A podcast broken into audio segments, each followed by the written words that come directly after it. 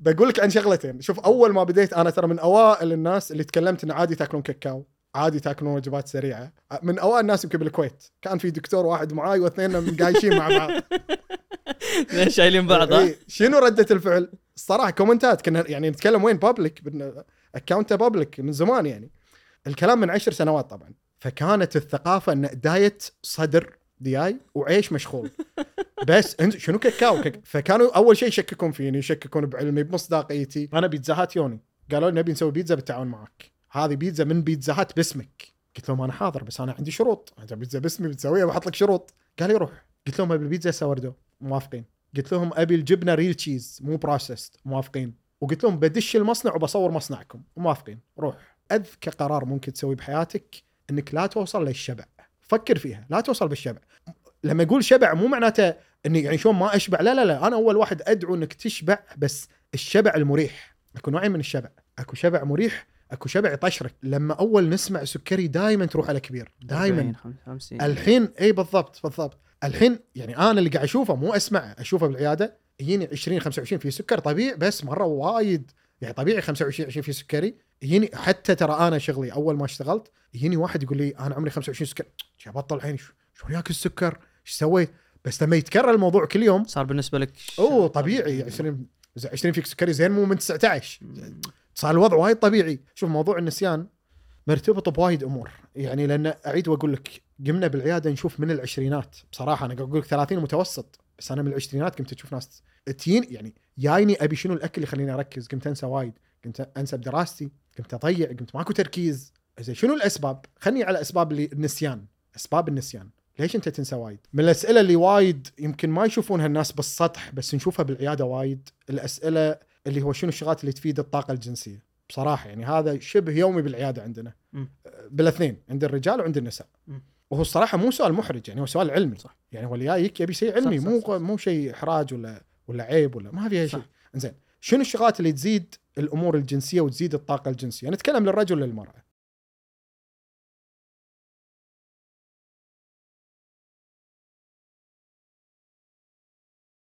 السلام عليكم. أنا محمد الزايد وهذا بودكاست محفوف.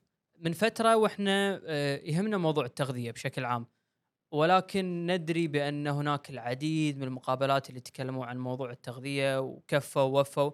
على هالأساس اليوم اخترنا ضيف غير تقليدي دكتور غير تقليدي دكتور علي الحداد.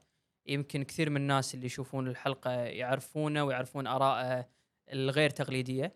آه، للشخص اللي ما يعرفه هو شخص يمكن دكتور تغذية بس آه، يحط دعايات لمطاعم وجبات سريعة يقول حق الناس إن هذا شيء مسموح لكم بإنكم تاكلونه. فقعدنا معه اليوم وحاولنا نفهم وجهة نظره ونعرف إذا بالفعل هالأشياء ممكن إن الواحد يدخله بالنظام الغذائي ماله. أه، أتمنى تستمتعون بهذه الحلقة.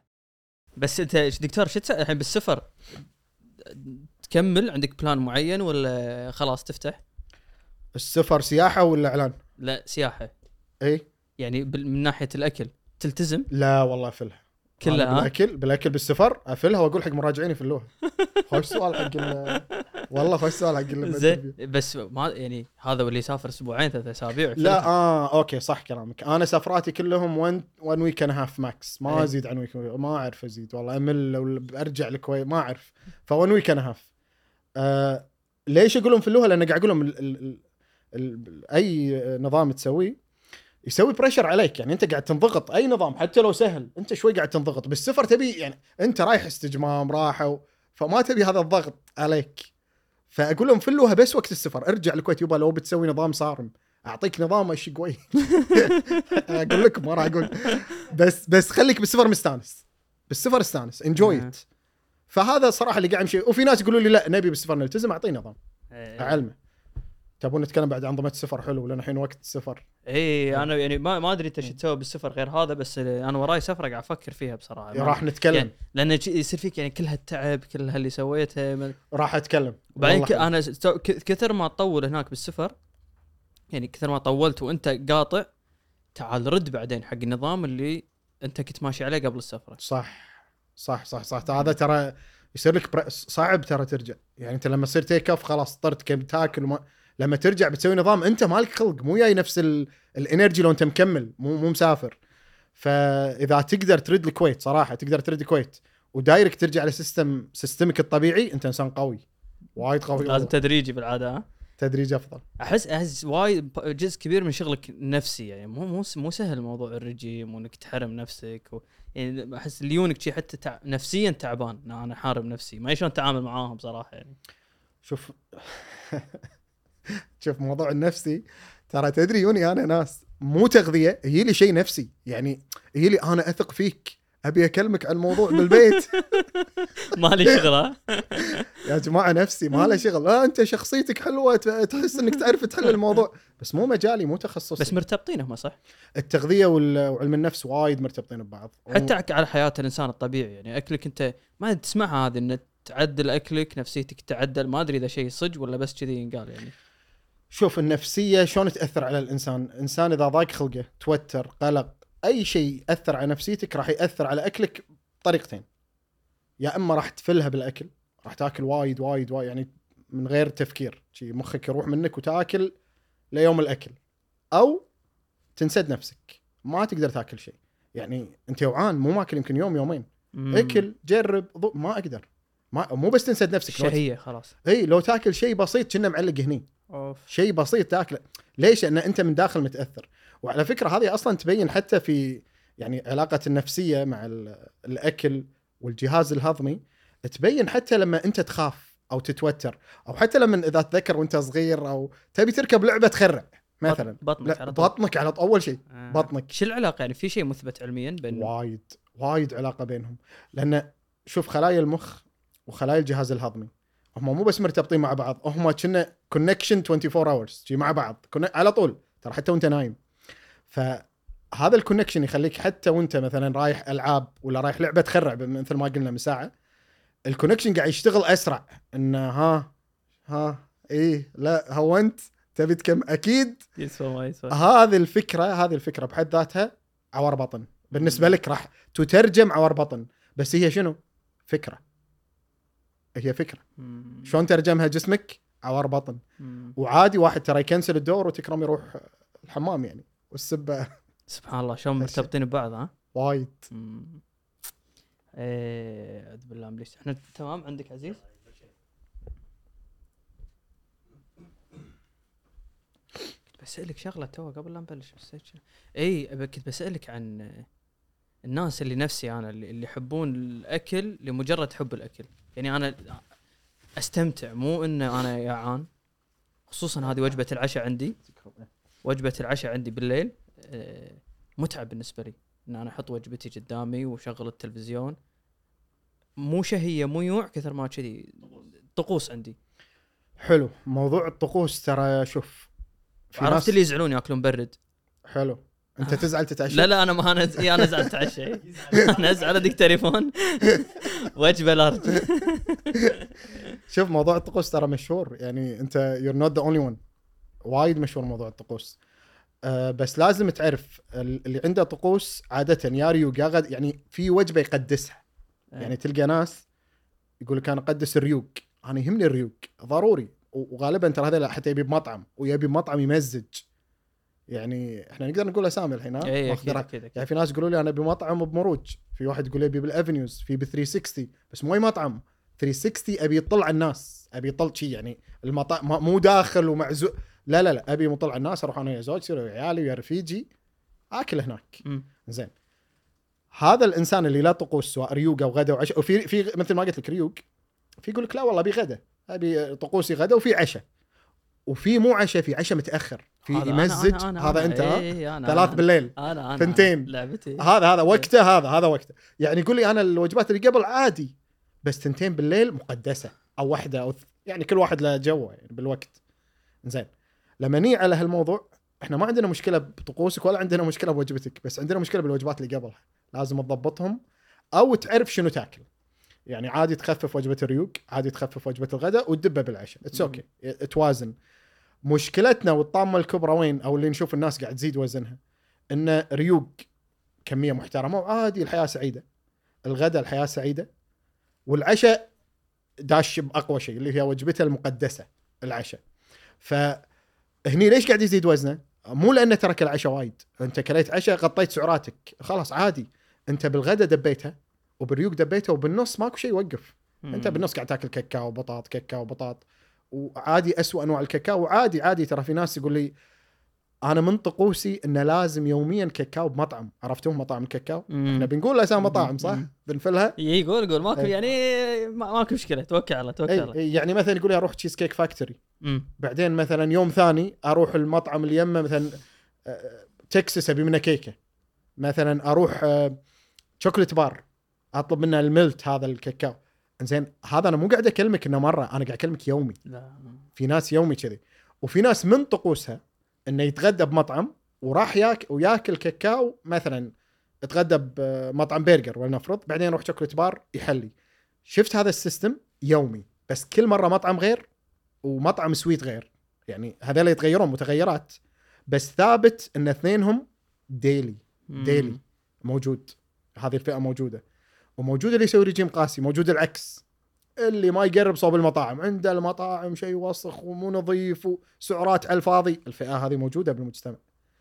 أيضا من الفئات اللي موجودة بالمجتمع اللي يقول لك والله أنا أكتفي بوجبة واحدة بس مو عارف أنا طريقي صح ولا داش بالطوفة. هذه نقدر نوقف عندها لأن أكثر واحد يقول لي إياها إنه لا تاكل فرضا بس عندك فرض وجبة الغداء آه، سوي فيها اللي تبي بس يعني تعيش على وجبة واحدة باليوم. بس ما يعني ما أدري أنا ما قنعتني بصراحة كأنه شيء مو صحي يعني. جربته؟ لا أوكي. ما جربته. شوف الوجبة الواحده مو سيئة. في شغلات ترى أنا بتكلم عن أكثر من شغلة اليوم. الناس تعتقد إنها سيئة وهي ما فيها ولا شيء. عيشوا حياتكم استانسوا يا جماعة لا تقفلونها لا تصعبون صار الدنيا. هم موضوع الأكل ها؟ وايد وايد. أنا المراجعين اللي يجوني العيادة يقول يعني ما أدري وين ش... ما- وين قاري المعلومة وين عرف يعني مثلا موضوع الوجبة الواحدة موضوع الريوق الحين بتكلم عنه. يقول لك الوجبة الواحدة مثلا زينة مو زينة والأمانة ما لومهم ما لوم لأنه هو قاعد يسمع من أكثر من طرف. هذا الموضوع ابيكم تركزون معاي فيه شوية. بال social media راح تلاحظون أكثر من مختص ويتكلمون عن أكثر من موضوع وكل واحد له رأيه. كل واحد له رأيه. وما تقدر تقول لك صح وغلط لأن كل واحد جاي من مدرسة وقاعد يتكلم بعلم مو بجهل يعني. أنا ما قاعد أتكلم واحد قاعد يألف أنا قاعد أتكلم المثقفين. قاعد يتكلم بعلم بس قاعد تشوف اختلاف بين المثقفين. يعني واحد يقول لك وجبة عادي وجبة واحدة باليوم. أنا أقول لك عادي. راح تسمع بال social media هذا أكبر غلط الوج... تدمرك وتدمر صحتك. راح تسمع واحد ثاني يقول لك الريوق أهم وجبة باليوم. تروح على واحد ثاني يقول لك لا الريوق ما لها داعي. إذا لغيته ينزل وزنك. فراح تضيع. أنا صراحة كشخص عادي لو ما- مو متعلم تغذية مو دارس بضيع. هذا مختص يقول لي عادي. وهذا مختص ثاني يقول لي وخر عنه ودير بالك.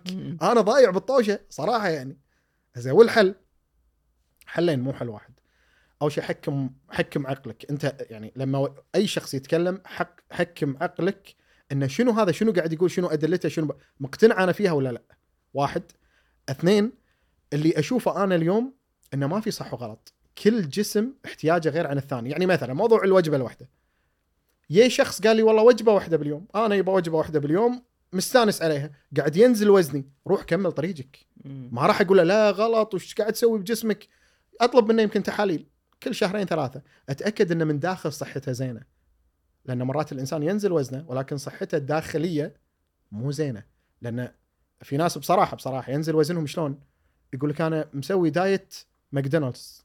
ان آكل ماكدونالدز كل يوم تقريبا. صدق والله. في. موجود. أصدمك أكثر وفي كنتاكي. كل يوم. كل يوم literally كل يوم. وفي ماكدونالدز وكنتاكي. شنو يعني؟ يعني وترى علميا تنزل. إحنا خالصين موضوع إنه ينزل. يعني أنا الحين أقدر أصمم جدول. أنا أدعي إني أقدر أصمم جدول لأي واحد. كله مطاعم وجبات سريعة وينزل.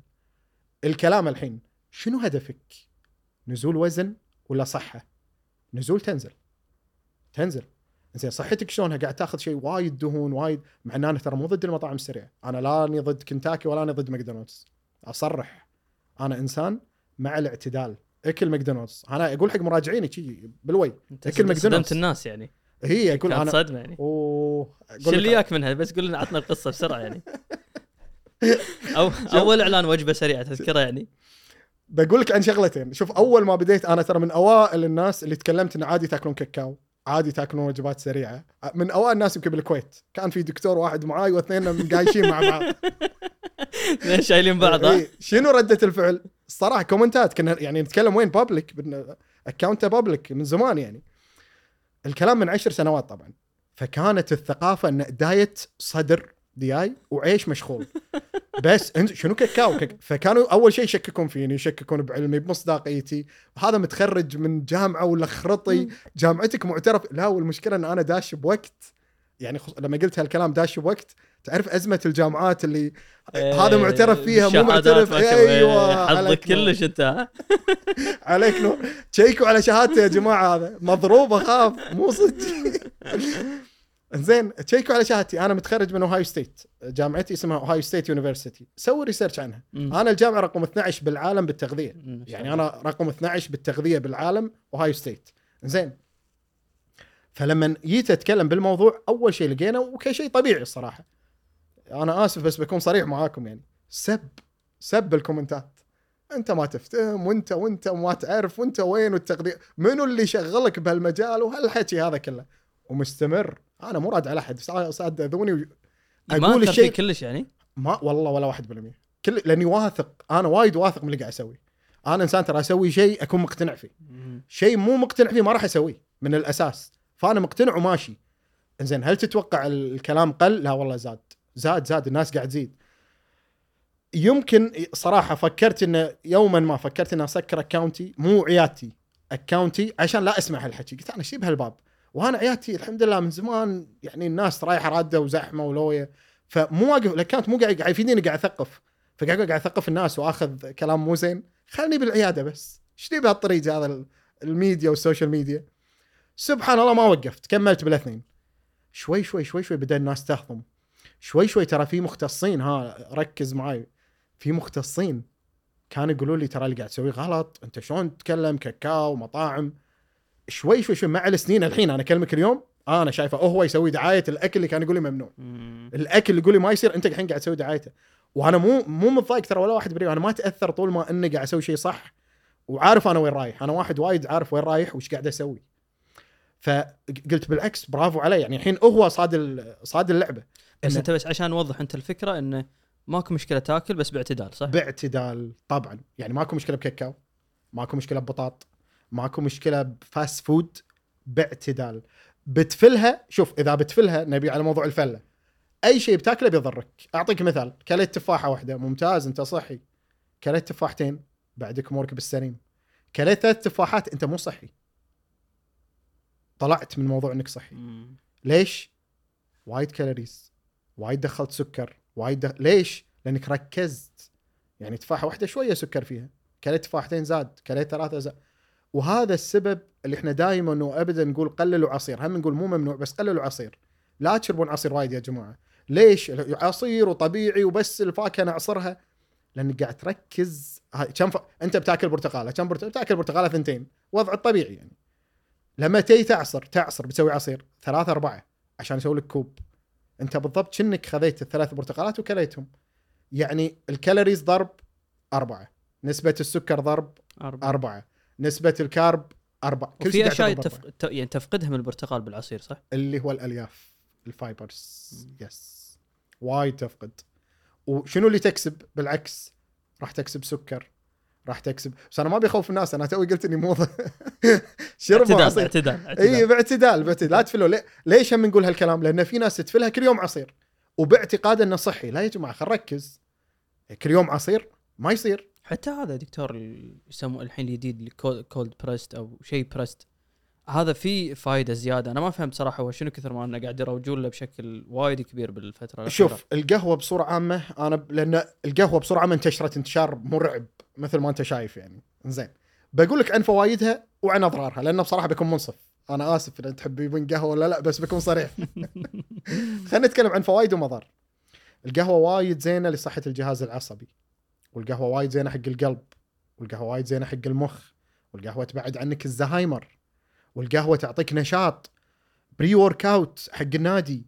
فأوف شيء جبار. يعني wow قاعد تاخذ شغلة روعة بقهوة بس كوب قهوة. كوبين قهوة أمورك طيبة. إنزين. عشان نكون منصفين ما يخالف. أنا سامحوني والله تحبون القهوة وأنا أحبكم بعد بس يعني عشان نكون منصفين. اي في شيء في side effect حق القهوة. خلينا نتكلم عنها شوي. أول side effect حق القهوة.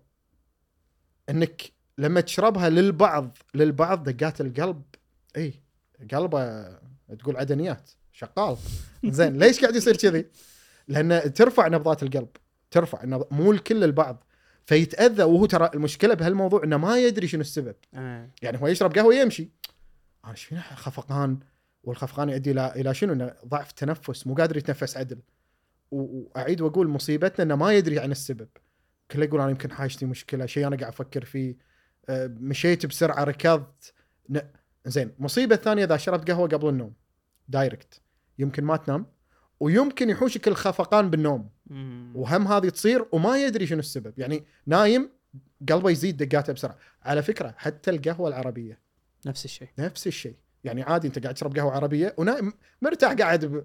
قاعد دوانية ولا قهوة ولا بخيمه مثلا وقاعد تشرب قهوة عربية مستأنس قاعد تسولف تجي بالليل بالليل بتنام. مو معقولة فنيان واحد. واحد ما يخليك تنام عادي للبعض. عادي خفقان عادي عدم القدرة على التنفس. مجموع فنيان فنيانين. بالعين ولا شيء. انت بالعين ولا شيء. حتى أنا أعيد وأذكر أنت يمكن ببالك هذا مو محسوب مو من الحسبة. تقول أنا إيش فيني اليوم؟ إيه. لا, لا مو إيش فيك اليوم هذا. اي محسوب. جرب لا تشرب. شوف وضعك. بالنسبة لك شنو آخر وقت؟ يعني أنا تحوشني وايد القهوة انه تعرف قعداتنا دواوين ما أعرف إيش. بالنسبة لك آخر وقت قبل يعني كم قبل كم ساعة من النوم اللي أنت المفروض خلاص توقف اللي الكافيين أث- هذا؟ حلو. اللي يتأثر بالقهوة 5 to 6 hours. You have to stop. أنا مالي شغل بالوقت يعني في ناس يقول لك أنا شفتات دوامي قاعد الظهر أو العصر. فما حاسبه على الوقت ما أقول لك اقطع الساعة 6 لأنه بتنام 12 لأن ما أدري هو متى ينام. بس أقول له اقطع 6 hours before you sleep. ست ساعات قبل لا قبل تنام. النوم. الشاي حلو موضوع الشاي. خلينا نتكلم عن ف- فوائد ومز خلينا ننصفهم اثنينهم. حب الكويتيين ربعنا يحبون الشاي والقهوة. شنو فوائد الشاي؟ أول شيء في فلورايد مال الأسنان. فلورايد موجود بالشاي. نعيد إنه زين حق القلب زين حق ال... زين حق ال kidney وزين حق المخ. أيضا مفيد حق مشاكل الزهايمر. وايد مفيد. يبعد عنك الجلطات القلبية والدماغية. ي... ونفس شوف اللي قلناه عن القهوة ينطبق عن الشاي بس ميزة الشاي عن القهوة الوحيدة يمكن انه أقل كافيين من القهوة. هذا هذا بحد ذاته ميزة وعيب. شلون؟ ميزة انه نومك شوي أريح مو الامباكت ماله مو قوي عليك ف مريح العيب ما يعطيك فوائد ال boost اللي يعطيك إياها اللي تعطيك إياها القهوة. يعني إذا بروح نادي وخذيت قهوة أوه حماس ونشاط وفيني طاقة و... لا الشاي ما راح يسوي لك كذي. بس بالمقابل بتنام it's smooth بس في أنواع شاي زينة صح قبل النوم؟ ولا هذه هم خرافات اللي يحطونها على ال label؟ في اللي هو شنو يسوي اللي زي يهدي الأعصاب. يعني في ناس دائما اللي بالجمعية تشوفهم يقول لك sleep sleep sleep sleep sleep ماكو شيء ينوم بالشاي صراحة يعني ماكو. هو شنو؟ يهدي الأعصاب. يعني فكرتهم شلون كتب sleep يقول لك الإنسان إذا هدت أعصابه ينام أريح. مم. فيعتمدون على هدوء الأعصاب. فمثلا لافندر الفانيلا وايد في أعشاب تهدي. أه، وعلى نفس الوقت الكافيين اللي فيها يعتبر أقل بعد من الشاي العادي. آه لا مو كذي السالفة. ال- ترى الأعشاب هذه ترى انتبهوا لها هم يسمونه شاي بس هو فعليا أنت قاعد تأخذ أوراق فانيلا. there is no tea بالموضوع. مم. يعني اقرأ sleep tea هذا اقرا من ورا. ما راح تلقى الشاي الأسود اللي إحنا ببالنا. مثلا تلقى فانيلا. فانيلا فانيلا قاعد تشرب فانيلا. مهدي الأعصاب يسمونه مو عارفين وين يحطونه. خافون يكتب فانيلا ما حد يشتري إيه. أو تقرأ مثلا لافندر. بس يكتب شاي لافندر. مفيد فعلا ترى فعلا مفيد. وفعلا يعني نومك للبعض مو الكل. شوف موضوع النوم آه، في وايد مشروبات وايد مكملات تقول لك هذه حق النوم. يعني بتنام أخذ ميلاتونين. أخذ شاي أبيض. أخذ شاي لافندر أخذ بابونج هالأمور كلها زينة. بس نركز على أول واحد موضوع الميلاتونين. الميلاتونين حق النوم بس يعني أقصد هو أنت تقصد الحبوب هذه صح؟ الحبوب صح. هذه ع- يعني عادي تأخذها إيش كثر عادي. أنا ش... وايد قمت ألاحظ ان في وايد ناس قاموا في ناس يقولون قام تدمن عليه ميلوت إذا خذيته بالحبة جسمك ما يفرزه. ما من هالأشياء اللي نسمعها يعني. حلو. شوف بالعيادة وايد يونا ناس عندهم قلة نوم. والميلاتونين very safe very very safe وتحصل بكل صيدليات وما يحتاج وصفة. وعلى فكرة في منه chewing بعد شي قاعد تاخذ حلاوة. فممتع. طعمه حلو وناسة تاكله وتنام. شنو مشكلتنا مع الميلاتونين؟ أو مشكلة الناس اللي أنا قاعد أشوفهم بالعيادة مع الميلاتونين. وايد يقول أنا ما يجيب لي نتيجة. زين أنا بنام وقاعد آخذ. وأنا أقول لك بعد اللي تحت الطاولة إيش يقولون لي الناس؟ الدكتور مثلا واصف لهم حبة. يقول أنا تعبان حبة شنو؟ آخذ ثلاث أربع. وما نام. الله. ما نام. انت لاحظ؟ انزين. الميلاتونين. شنو قصته؟ قصته إنه إذا أنت ما تنام بسبب إن عندك مشاكل بالهرمونات يضبط لك إياها وراح تنام. 90% من الناس مو هذه مشكلتهم. ليش ما ينام؟ لأنه قاعد يفكر. التفكير ما يحل الميلاتونين هذه لازم تعرفونها. عشان لا تنصدم بحياتك. التفكير مو علاج الميلاتونين و90% من الناس على الأقل مراجعي اللي قاعد أشوفهم وأنا قاعد أشوف آلاف الناس. مشكلته تفكير. عشان شي أقول لك احسات طبيب نفسي تصير أنت. ما ما مو عندي يعني موضوعك مو ميلاتونين thank you thank you فيقول لي زيد الشيله وحط لي زيادة. واكتب لي إيه. أقول له والله ما له شغل هو أزيد كان أزدك للحد الأقصى. وهو تخيل أنا معطيه الحد الأقصى هو من نفسه يزيد يعطي نفسه two extra shots أو two extra pills حبوب حبوب مم. آه، حبوب. بالك إيه. زين خذ حبوب زيادة ما تفرق وياه ليش؟ أنا أنت لما تفكر مثلا أنا قاعد أفكر بمشكلة معينة الحين شنو اللي شغال عندي؟ التفكير زين الميلاتونين شو يسوي؟ هرمونات المشكلة وين؟ بالتفكير فضبطت الهرمونات يعني الأمور طيبة خلاص 100% وقت النوم والهرمونات وشغال كل شيء تمام بس هذا مو طيب هذا شلون مثلا واحد مفكر بواحد مأذي شلون سوى كذي؟ شلون ما رديت عليه؟ شنو كان المفروض أسوي؟ أنا غلطان إني ما تكلمت. المفروض أقول شفت هذه اللي روح وتعال ألف حبة ميلاتونين ماكو نتيجة. ومو بس الميلاتونين في غيره. مثلا في ماي اسمه نقول أسامي قلنا عادي. Dream Water. زين؟ هو بالصيدليات ينباع. في علج كل هذيل عوامل مساعدة في gummy في حبوب آه، في شراب. كلهم عوامل مساعدة بالنوم. إذا مشكلتك شنو شنو الفيصل؟ أنا بيكم تعرفون يا جماعة الفيصل إن هالشيء يفيدني ولا لا. إذا مشكلتك تفكير ولا شيء من اللي قلته راح يفيدك لو تطقهم كلهم مع بعض بنفس الوقت لأن المشكلة هذه ما راح يحلها أي منوم. زين أما إذا مشكلتك في عندي مشكلة بالهرمونات في عندي جيت لاج الطيارة أمور السفر إي لا هالأمور وايد راح تفيدك. وعلى فكرة عادي إنها تفيدك بنسبة عالية وعادي تفيدك بنسبة بسيطة بس راح تفيدك إذا كان موضوعك مو تفكير. زين إذا موضوعك تفكير أعطيك من الآخر لا تضيع فلوسك. لا تروح السكة. دور لك طريق ثاني. دور لك دكتور نفسي اقرأ اتثقف شلون تتعامل مع أفكارك. شلون تحب نفسك أكثر؟ شلون تتعامل مع اللي ضايقك اللي ينرفزك اللي اللي حاقد عليه يمكن. أنت لازم تتعامل شلون شلون أنت تتعامل معه. زين ما تعلمت هالتصرف ماكو حبة نوم راح تنومك. راح تظل أنت تفكر بالمشكلة. هذه باختصار موضوع شلون تتعامل مع حبوب المنومات كلها وكذلك مشروبات المنوم وكذلك العلش اللي ينوم. وموجودين بالصيدليات. أنصح فيهم ولا لا؟ مفيدين ولا لا؟ إذا تحتاجهم ومشكلتك مو تفكير أنصح فيهم وبشدة. وما لهم side effect ماكو ضرر منهم. لأن اللي سمعته أنا إنه يخلي ما أدري يعني إن أنت جسمك مفروض يفرز مادة طبيعية شبيهة بالميلاتونين أو ميلاتونين ما أدري بس تساعدك على النوم. إذا اعتمدت على هالادويه يبدي جسمك هم يعتمد عليهم بحيث إنه ما يفرز هذه المادة. ما أدري إذا يعني إذا أنت تأخذهم بشكل صار آه، فهمت. معتاد يأثر على الجسم ونومه الطبيعي؟ فهمت كلامك بس لا الميلاتونين ما يتأثر بهالطريقه في بعض الهرمونات تتأثر yes المت... الميلاتونين مو منهم مو- متى يأثر عليك موضوع النوم؟ إذا بنج من الدكتور. مبنجك النوم هذا. عشان كذا لما تقعد تحس إنه وين رحت أنا؟ وين صار؟ هذا يأثر. كثرته. عشان كذي يقول كثرة البنج يعني لا تأخذ. في ناس ترى خصوصا خواتنا البنات يعني تدش عمليات وايد بالهبل وعادي تتبنج. تروح بنج كامل. على طول وتدش عملية تطلع تدش عملية ثانية. يمكن عمليات حق الجسم يمكن عمليات حق الوي حق الحق حق حق وايد أمور بنج عام. ويمكن ما تقول حق يعني تروح حق دكتور أول ما تقول له أنا متبنجة قبل ستة أشهر. والدكتورين غير عن بعض مستشفيين غير عن بعض. وهي ببالها يمكن ما إيش دخل هذا بهذا؟ يعني أنا سويت عملية خلصنا. لا. موضوع كثرة المنومات الطبية. هذه وايد تأثر. وايد تأثر مو شوية يعني. ف... فالرسالة اللي نبي نوصلها إذا أنت أو أنت وايد قاعد تاخذ منومات طبية اللي هو دكتور مسوي لك عملية و...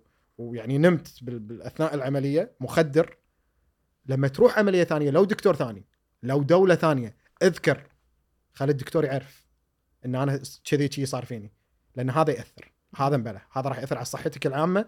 إذا الدكتور الثاني ما يدري عن الدكتور الأولاني أتمنى وصلت الفكرة. واضح. واضح. أنا دكتور بس برجع معاك خطوة. إيه بالثقافه يعني أنت يمكن بمجالك قاعد تشوف الناس بالنسبة لها موضوع آه، التغذية وعلاقتها مع الأغذية اللي هي تاكلها كأنه محصور بس بالناس اللي يبون ينزلون وزنهم. يعني هل طلعنا برا الدائرة انه لا أنت مو شرط تكون أنت شخص سمين وتبي تنزل لا حتى لو أنت شخص جسمك زين أهم مفروض موضوع التغذية تداري بالك عليه. وإذا هذا الشيء صحيح أصلا أو لا. عاد أصدمك والله محمد. تدري أنا تدري منهم معظم الناس اللي يجون العيادة؟ الأضعاف مو الامتان صدق؟ إي والله الضعيف يبي يمتن؟ لا. ها. اللي عنده كرش شوية خصوصا خواتنا النساء اللي شوية عرفت ال 5% 10% زيادة هذه ذبحتني هذه بطيرها. اللي شو الضعيفة اللي فيها خلينا نقول 3 4 كيلو زايدة. هذا الأكثر فئة نشوفهم بالعيادة. الامتان يون بس صراحة صراحة الامتان جايين على فئتين. في فئة فلها وربك يحلها. مستانس بالدنيا وما يبي يضعف أصلا. فلما يجينا يجينا؟ هذا مغصوب. يعني مو إيه. جاينا كذي. أمه جايبته هذا ضعفتك فما يصير كذي. هو مقتنع إن الأمور زينة. هو ما أبي اضعف يا أخي ما. والله أقول حق أمه أخذي فلوسك وامشي. لأنه ما ماكو فايدة. أنا مهما أقول له الرجال مو مقتنع. مو مقتنع. يكونوا صغار بالعمر. هو مو مقتنع. أبي كنت آكل كل يوم أوكي مو زين حق صحته ونكلمه بس خلينا نكون صريحين. القناعة أساس البداية.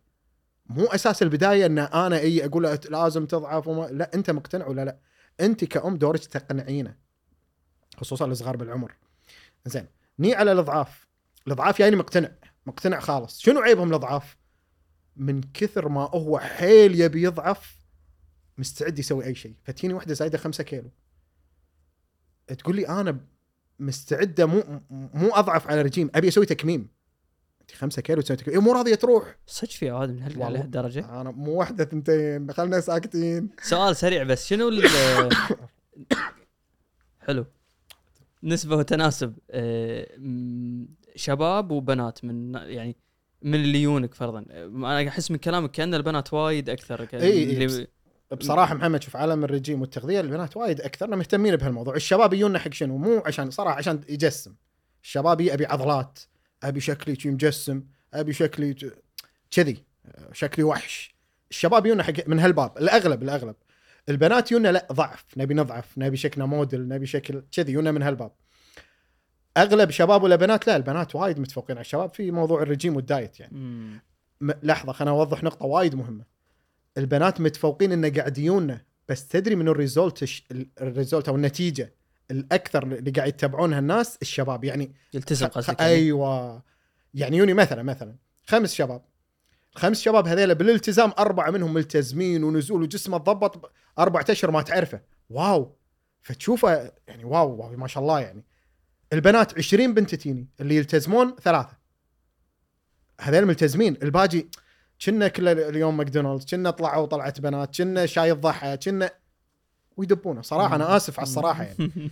ولذلك أنا ترى حتى أنتم ابدوا يعني بالمجتمعات أنا من كثر ما أشوف بالعيادة قمت ألاحظ بالمجتمع يعني. حتى لما أطلع مجمع يعني خلينا خلينا نكون صريحين وواقعيين لأبعد حد يعني. أطلع أي مجمع. راح تشوف الحين أنا أتكلم بالوقت الحالي ما أتكلم قبل. ترى أجسام الشباب يعني مهتمين فيهم أكثر من خواتنا. بصراحة يعني خلينا نتكلم. لأن ملتزمين أكثر التزام أكثر.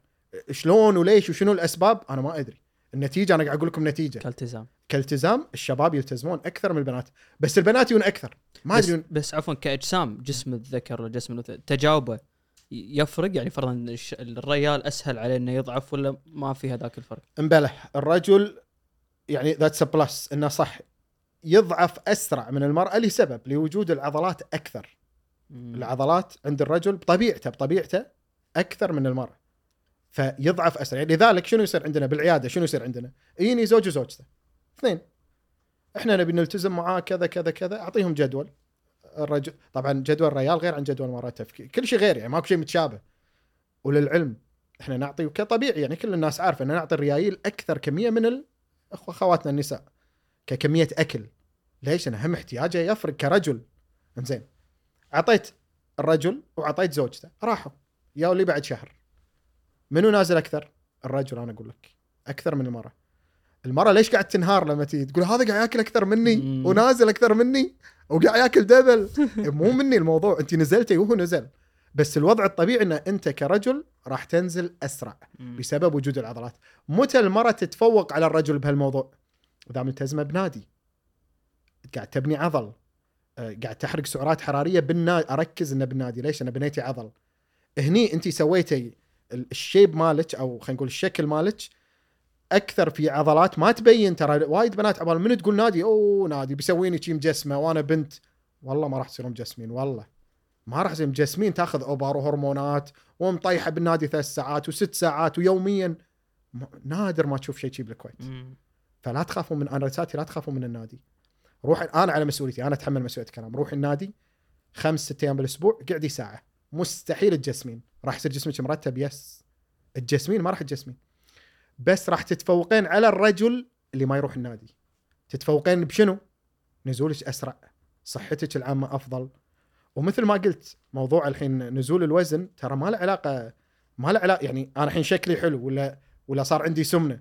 هل له علاقة بالصحة؟ لا علاقة بشيء واحد. السمنة تزيد نسبة الكوليسترول، نسبة الضغط، القلب، الأمور هذه الصحية. لما يصير شكلك حلو هل معناته انت ما فيك شيء؟ لا عادي انت شكلك حلو فيك كوليسترول،. عادي شكلك حلو فيك أمراض، فيك ضغط، فيك سكر، شكلك مرتب 100%. طيب شنو الفيصل الحين؟ شنو اللي يفرق بين هذا وهذا؟ اللي يفرق أنت شنو قاعد تدخل جسمك؟ إيش كثر قاعد تلتزم بالرياضة. لذلك نتيجة الموضوع كله أنت لو ضعيف لو ما عندك سمنة التزم بالرياضة عشان صحتك يعني أنا أنا مسا... هذا كنت اقصده أنه يجونك الناس اللي جسمه زين لا هو متين لا هو وايد ضعيف. بس يحاتي موضوع صحته على المدى البعيد إن أنا والله ما أبي أمراض مزمنة أبي أضبط أكلي بشكل معين. يمكن عشان حتى موضوع نيلة بعدين اليوم ما تدري شنو الصحي شنو مو صحي. يعني يمكن بعدين نتكلم عن موضوع المطاعم ومشترياتك من السوبر ماركت والجمعية. بس فيها الثقافه هذه إن أنا جسمي أنا جسمي زين ولياقة ونادي وكذي أنا جايك أبي أتفادى الأمراض أبي أكون صحي حق 30 40 50 سنة إن شاء الله قدام. هذه بصراحة تو بلشوا يعني مو مو شيء قديم مو ش... الحين صار هالوعي إن أنا زين وأبي صحتي فأبي أقلل السكريات شلون؟ أبي أقلل دهون شلون؟ وما أبي أمنع ما أبي أمنع أبي أقلل ومو عارف شلون أدش هالسكة. فنعم موجودة هذه ال- ال- الحارة هذه بلشت تطلع وبوضوح. أهم ناس بهالموضوع منو؟ اللي قلت عنهم ساعة أهم فئة الكبار بالعمر. ترى في ناس عبال لما يكبر بالعمر يقول لك الحين كبرت يعني دش عمر كبير. أول كنا نقول أول ترى كنا نشوف 40 50 كبير. الحين هذول شباب إيه. 80 90 ها نبلش نطالع الله يستر عسى لما نوصل هناك نقول الشباب هذيل ما ما تدري وين بنوصل. فالحين 40 50 مثلا. يقول لي أنا طول عمري ما يعني أنا أول شيء أقول له أول شيء أقول له تبلش تدش نادي. عمره 40 50 تقول له أنت بعدك شباب بس دش نادي. يقول لي أنا طول عمري مو داش نادي. أنا بالثلاثينات ما دشيت نادي بالعشرينات ما دشيت نادي. أقول له اصدمك أنت مو مطلوب منك بالعشرينات والثلاثينات تدش نادي مبلى حق صحتك ومفيد أمورك طيبة إنك تدش نادي بالثلاثين وبالعشرين بس بالأربعين وبالخمسين it's must تحتاجه أكثر ليش تحتاجه أكثر؟ كلامك 100% صح، ليش؟ إحنا نبي نعرف السبب عشان نقتنع عشان نروح. أول شيء إذا ما بنيت كتلة عضلية وب- وبعد تقدم بالعمر أنا ما قاعد أشوفك 40 50 أنا قاعد أشوفك بعد 20 30 سنة قدام. ما بنيت كتلة عضلية، ما اهتميت بصحتك فالها. قاعد تعامل بجسمك بال40 كنا جسمك بال20 شنو مم. راح يصير؟ أول شيء اللي تشوفهم في تحدب بالظهر. تشوفه يبدأ يبدأ لما يمشي بسرعة يتعب. شوية عصاية عنده. بعمر صغير بعم... هذا الحين موجودين عندنا قاعد نشوف. بعمر صغير تطلع عليه ملامح الشيخوخة. طيب والسبب أنت مو ملتزم. مو ملتزم لما كان عمرك ما بيقول لك وأنت صغير. بداية بداية أربعينات خمسينات. زين والحل؟ شنو الحل حق هالموضوع؟ 40 50 حتى لو بعمرك ما دخلت نادي ما تعرف شنو يعني رياضة مو مر عليك نادي صحي إلا بالاسم تدخل الحين.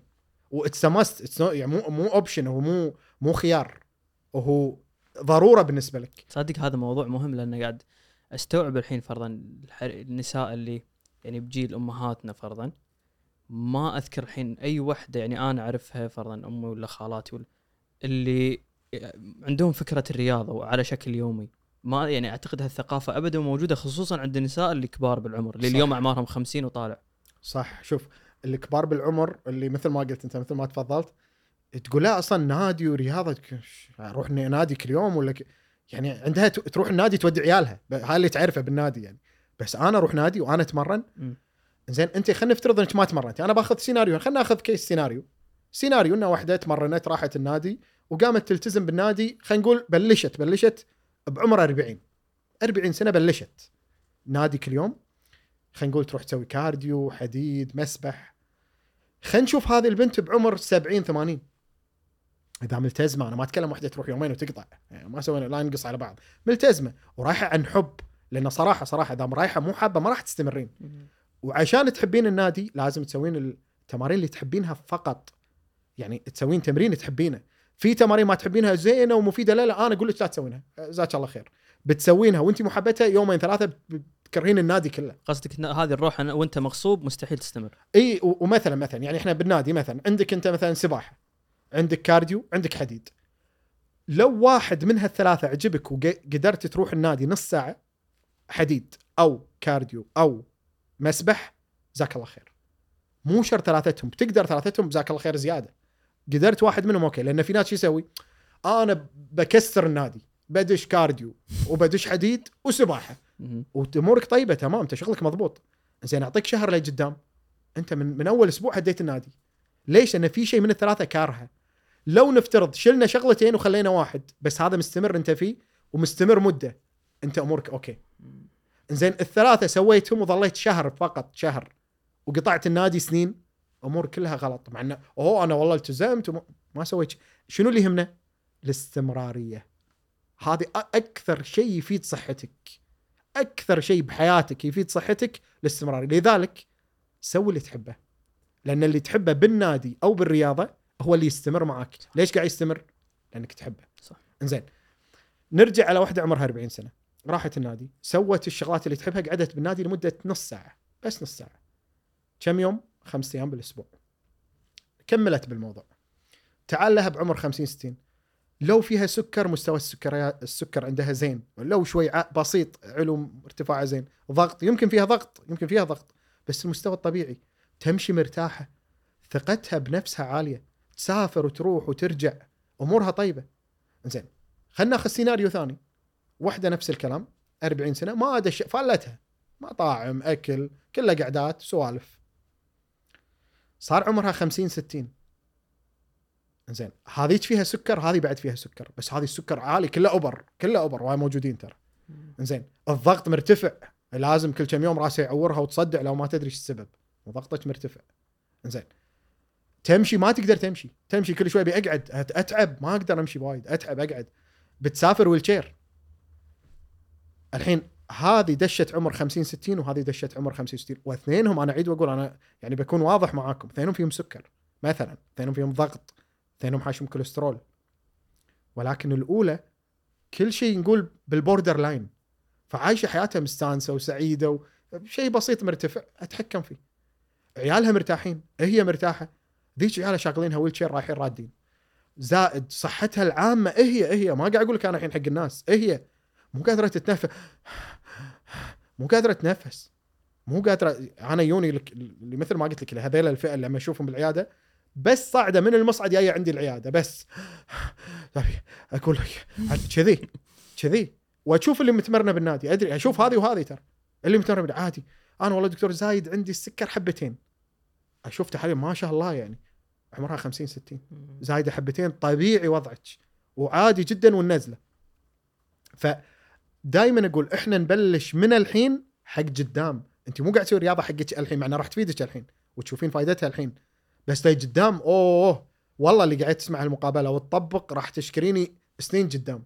واللي قاعد تسمع نفس المقابلة وما تطبق راح اليوم. اللي تتذكره تقول يا ريتني الله سامع كلامه إي مالت عشر سنين إيه. هذه محفوفة مالت عشر سنين الله يذكره في واحد قال ليش ما سمعت كلامه الله يعطيهم الصحة والعافية. آه، أنا بس شوف هم هم نخص آه، يعني أنا قاعد أقيس على هذا هذا العمر. آه، ثقافة الأكل عندهم مختلفة يعني وإحنا نتشارك معاهم فيها يعني أبي ثقافة الأكل عندنا العيوش ال- الأمور هذه اللي متعودين عليها مو بس مطبخ الكويت مطابخ الخليج كلها. مضرة مو مضرة خصوصا يعني شيء قاعد ينطبخ بالبيت متشابيس نمرات اللحم المطبق التشريب ما أعرف إيه. هذه أشياء أنت شنو رأيك فيها؟ المفروض واحد يقطعها لا عادي أكل دام إنه طباخ بيت. حلو. أكلنا الخليجي بصورة عامة شنو هو؟ خلينا نتكلم عن أكلنا الخليجي. يعني موضوع حلو الأكل أحبه. زين ناكل مكبوس لحم مكبوس ب- دياي آه، برياني مربين هذا أكلنا.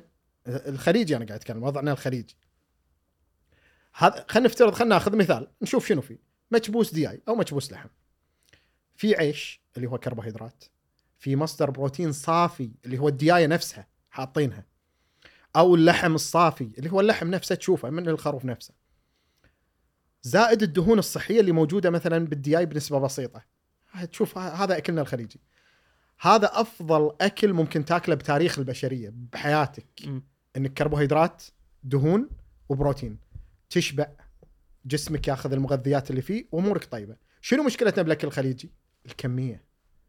يعني اللي المفروض ناكله قاعد ناكل أربع أضعافه عشان مو نشبع نطفح. وليش قاعد نسوي لأن الأكل لذيذ. خلينا نكون يعني صريحين لأبعد حد. الأكل لذيذ فقاعد تفتح. فاول شيء على المبدأ الأكل الخليجي العيوش على قلت لك مشابيس لحم دياي سمك من أفضل الأكل بالعالم من حيث التركيبة شلون مركبينه. يعني ذكي اللي فكر فيها. حاط لك كربو وأنا قاعد أتكلم شيء قديم يعني مو تقول واحد دارس بهارفرد وقال خلينا نضبط عيش مع دي لا لا كلنا الطبيعي ما تدري شو سوى. مثل داشه. مم. ما شلون سواها بس بس ممتاز. راكبة ها؟ مريحة راكبة. وسريعة و... وين ما تروح مناسبات شغل... الأكل كذي. ضبط لك أكل فيه كارب ودهون وبروتين وهذا اللي يحتاجه الإنسان. طيب ني على المطاعم. المطاعم ترى مو نفس أكلنا ما تقايش أكلنا.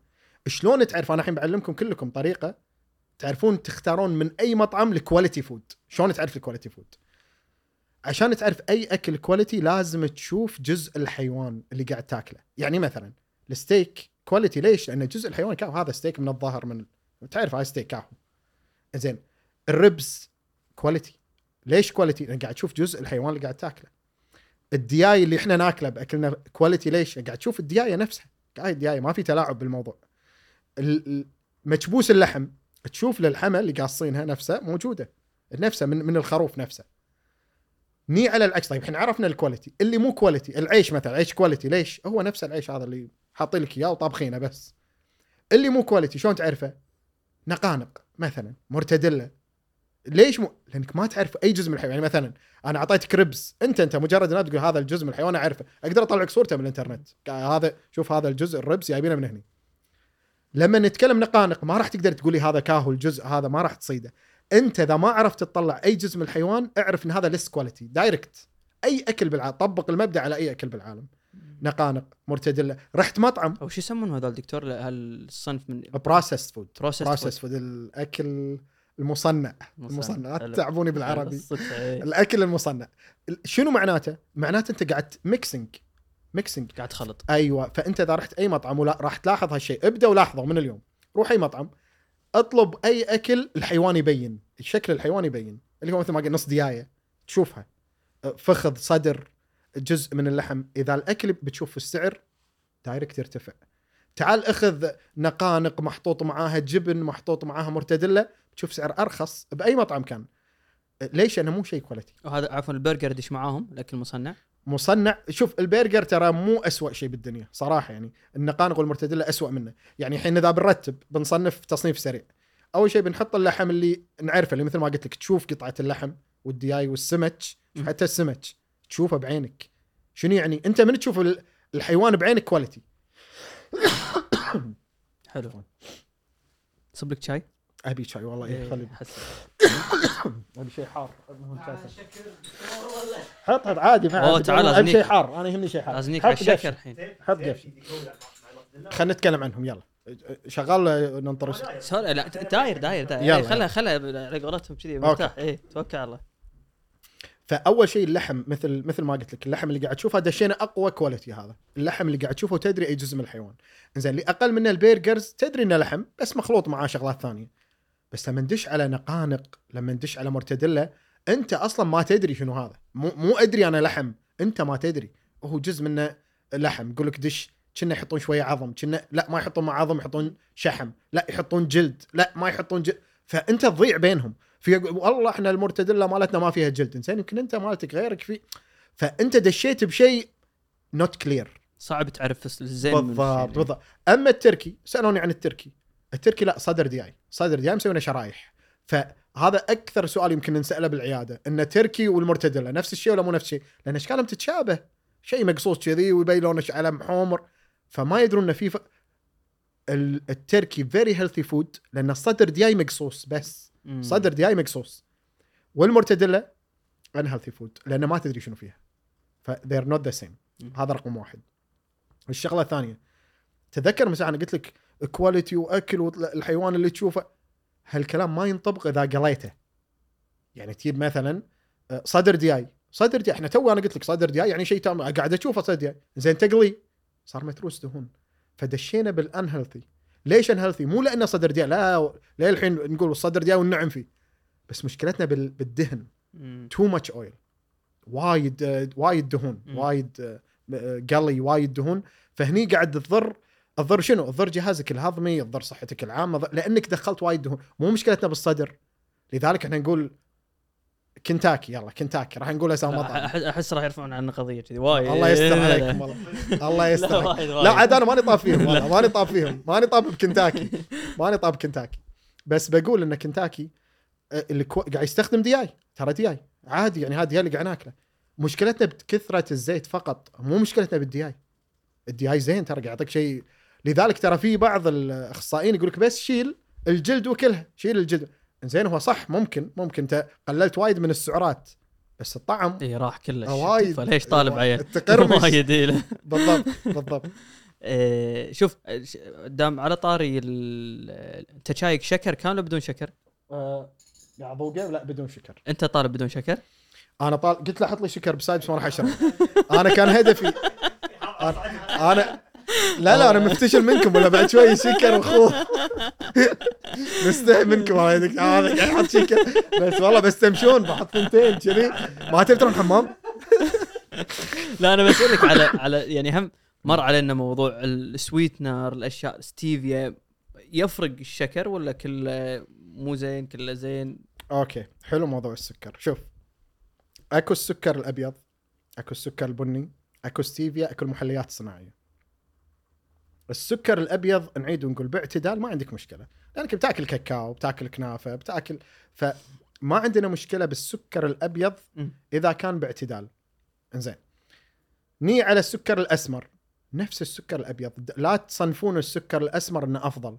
حتى في بالمطاعم يحطون مثلا سكر أبيض وأسمر. يجيك واحد على بنا لا أنا diet سكر أسمر. لا ما سويت شيء. ما سويت. شيء. بالضبط. أبيض بس لونه غير. لونه حطيت له صبغة تغير لونه. في ناس يحطون فيه دبس في ناس يحطون فيه الديبنس في ناس يحطون فيه كراميل الديبنس شنو انت سويت عشان تخليه أسمر. بس بكل حالات الأسمر بكل حالاته بلا استثناء نفس الأبيض زائد لون. إنزين. شنو اللي يتفوق شوي عليه أكثر؟ سكر ستيفيا. ستيفيا zero calorie. محليات صناعية zero calorie كلهم. سالفة آمن ولا مو آمن؟ الحين تو طلع عقب سالفة المشروبات الغازية والقصة الكبيرة اللي صارت شفتوها كلكم؟ لا، سالفنا عقب هالموضوع سالفنا عنها. أنا ما شفتها بصراحة. أوكي أقول لك عنها. بس باختصار طلع إنه آمن. يعني رسمي الحين طلع إنه آمن. في نقطتين عليهم. النقطة الأولى إنه أوكي هو آمن هذا قاعد يسولف عن المشروبات الغازية. لا قاعد اسولف عن المحلى. المحلى. المحلى الصناعي اللي هو أساسا موجود بالمشروبات الغازية. أوكي. اللي هو ستيفيا أسبارتام وغيره. آه أوكي. فموجود هذول موجودين بالمشروبات الغازية. بالمشروبات الغازية. ويعتبر zero calorie. عشان انت لما تشرب آه، diet cola أنت قاعد تأخذ zero calorie. شنو مشكلتنا معاه؟ كثرة المش... آه،. كثرة كثرة السكر هذا المصنع اللي هو مثلا ستيفيا وغيره. تسبب لك تكرم اسهال. يعني تجيك مشكلة ثانية. ونعيد ونقول وايد ناس تجيهم المشكلة ما يدري شنو السبب. يعني مثلا أنا الحين شاي حطيت فيه ستيفيا zero calorie وناسة zero وطعمه حلو. ها طعمه حلو. أبي استكانة ثانية. طعم حلو وشاي و zero calorie أنا صايد اللعبة وما رفع سكر الدم. ما رفع ليش؟ أنا zero calorie. ثلاث استكانات أربعة خمسة ستة. للحين أنا صفر. صفر سعرات. ومستانس لا وطعم حلو. شنو راح يجيني بعدين؟ تكرم اسهال. زين حاشني ألم بالبطن كل شوي رايح راد على الحمام. ترى المشكلة بهالناس اللي ما تدري يعني ما, ما تلومها ما يربط الموضوع. يعني راح يقول أنا اش كليت شي راح يجي له أنا اش كليت شو من المطعم اليوم؟ ولا من ريوق؟ ولا من أمس أنا مبلا مبلا أمس في لا لا لا. هو السكر كثر المصنع ستيفيا. حتى الطبيعي منه ال zero calorie. عفوا. حلو. السكر المصنع اللي zero calorie كثرته ال side effect ماله اسهال. فلا تكثرون منه. ما نمنع بس لا تكثر منه. حتى بالحلويات. في ناس ترى يقول أبوي أبوي في سكري. وطايح لك على محل يسوي كل الحلويات بالستيفيا. ممتاز. انت صدق ما ضريت أبوك بالسكر بس خليته رايح راد على الحمام ضريته بأشياء ثانية. بأشياء ثانية. هل إحنا ضد؟ مو ضد إحنا مع الاعتدال. نركز على الاعتدال. مع تاكلون مطاعم باعتدال. مع تاكلون سكريات بيضة أبيض أبيض سكر أبيض. أنا ما أمنع عن مراجعيني بس أقول له باعتدال. مع إنك تاكل سكر مصنع باعتدال. طيب شنو معناته اعتدال؟ يعني تبي تاكل مث... تبي تشرب مثلا. إحنا قاعد نتكلم عن السكر الحين الأبيض. استكانة شاي. حط ستيفيا okay. استكانتين شاي مع ستيفيا okay. ثلاثة فرق بينهم. إذا بتدخل بثلاثة يعني خلي الصبح شوي بالليل واحدة. مو مع بعض. مم. أربعة خمسة ستة صار وايد. بس دكتور عندك طريقة؟ يعني أنا أدري إن مو بس موضوع السمنه ونزول وزن بس حتى ساعات في أمراض أو في أشياء تحوشك مت- متعلقة بالأكل. فدائما يقول لك والله لاحظ أنت شنو قاعد تاكل. بالنسبة لي أنا صعب إن شنو إيش أسوي؟ يعني أكتب طول اليوم أنا شنو كليت وأبدي أحاول أربط وأحلل ولا في طريقة أفضل إن أنا أصيد إذا الأكل اللي كليته له علاقة بشيء طلع فيني أو عوار مرض يعني في طريقة سهلة ولا بس ورقة وقلم واكتب إيش اليوم؟ شوف أي نظام غذائي راح يفيد أي مرض عندك. أي نظام غذائي. بس لا تمشي على البركة. إحنا مشكلتنا المشي على البركة. أنا بعطيك بدال نظام نظامين وثلاثة وأربعة بعد. امشي على أي واحد راح يفيد صحتك. ليش؟ أي نظام غذائي ينظم أكلك. أي نظام غذائي ينظم أكلك. أي نظام غذائي راح يرتب صحتك. أي نظام غذائي راح تشوف يومك ترتب. حتى لو أنت مو مسوي شيء. شلون؟ أنا أقول لك. يعني مثلا لو أنا أقول لك لا تمشي على نظام غذائي، امشي على البركة وسوي اللي يعجبك امورك طيبة، إيش راح تسوي؟ عادي تتريق، تتغدى، تتعشى، عادي تاكل وجبات زيادة بالنص كذي بالطريق يعني، لأن أنا ما أعطيتك شيء تمشي عليه. وعادي كاكاو بعد الغداء، وعادي بالريوق بعد تحلي بشيء كرك مثلا، وعادي بالعشاء كيكة، أنت أمورك ماشية كذي على البركة. زين خلينا نفترض أعطيتك نظام، ايا ما كان النظام وبعطيك مثال. قلت لك أكل وجبتين وبالنص sweet. أنت بس مجرد ما اتبعت كلامي وايد أمور تقننت وتسكرت. كليت وجبة كليت وجبة ثانية بالنص sweet. زين. هذا النظام أول شيء شوف من غير ما ندش تفاصيل ضبط صحتك ترى. راح تتضبط صح... أنا الحين أقول لك guarantee راح تتضبط صحتك. راح يتضبط إذا عندك سكر كوليسترول شلون زين؟ شلون؟ شنو صار؟ شنو السر بالموضوع؟ تتذكر الوجبات اللي كانت ماشية بالطريق؟ هذه وقفت. مم. تتذكر الكاكاو اللي وانت ماشي؟ هلا هلا يما هلا شلونكم؟ رايح الدوام تتمشى وتاكل. كله وقف. ليش؟ صار عندك system ولكن كل ما صار ال system أدق كل ما كانت صحتك أفضل. أعطيك مثال ثاني على نظام ثاني مثلا. الحين نظام وجبتين هذا تقدر تطبقه كلكم تقدرون تطبقونه. وجبتين باليوم بينهم sweet. كيفك؟ الوجبة تبيها غدا عشاء ريوق غدا. وجبتين بينهم sweet. أمورك بالسليم اللي يبي يجرب نظام الوجبة الواحده اللي تونا قلنا 1 meal per day إذا يناسب حياتك روح. إحنا ما في مشكلة فيه.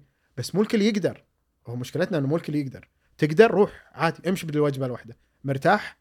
بشرط انه قاعد ينزل وزنك صحتك قاعد تتحسن. مم. يعني مو تقول لي وجبة واحدة وقاعد يزيد وزني. لا. دشيت بالطوفة. زين آه، فنظام الوجبة الواحده أنا مو ضده. طول ما ان أنت عارف تسوي control ان بهالوجبة قاعد تاخذ سعراتك وشوي أقل. نظام الوجبتين بينهم sweet ممتاز. نظام الصيام المتقطع إي هذا. نسولف عن هذا. شو شو بتسوي أنت؟ بتاكل طول اليوم تسكر عن الطعام 12 ساعة.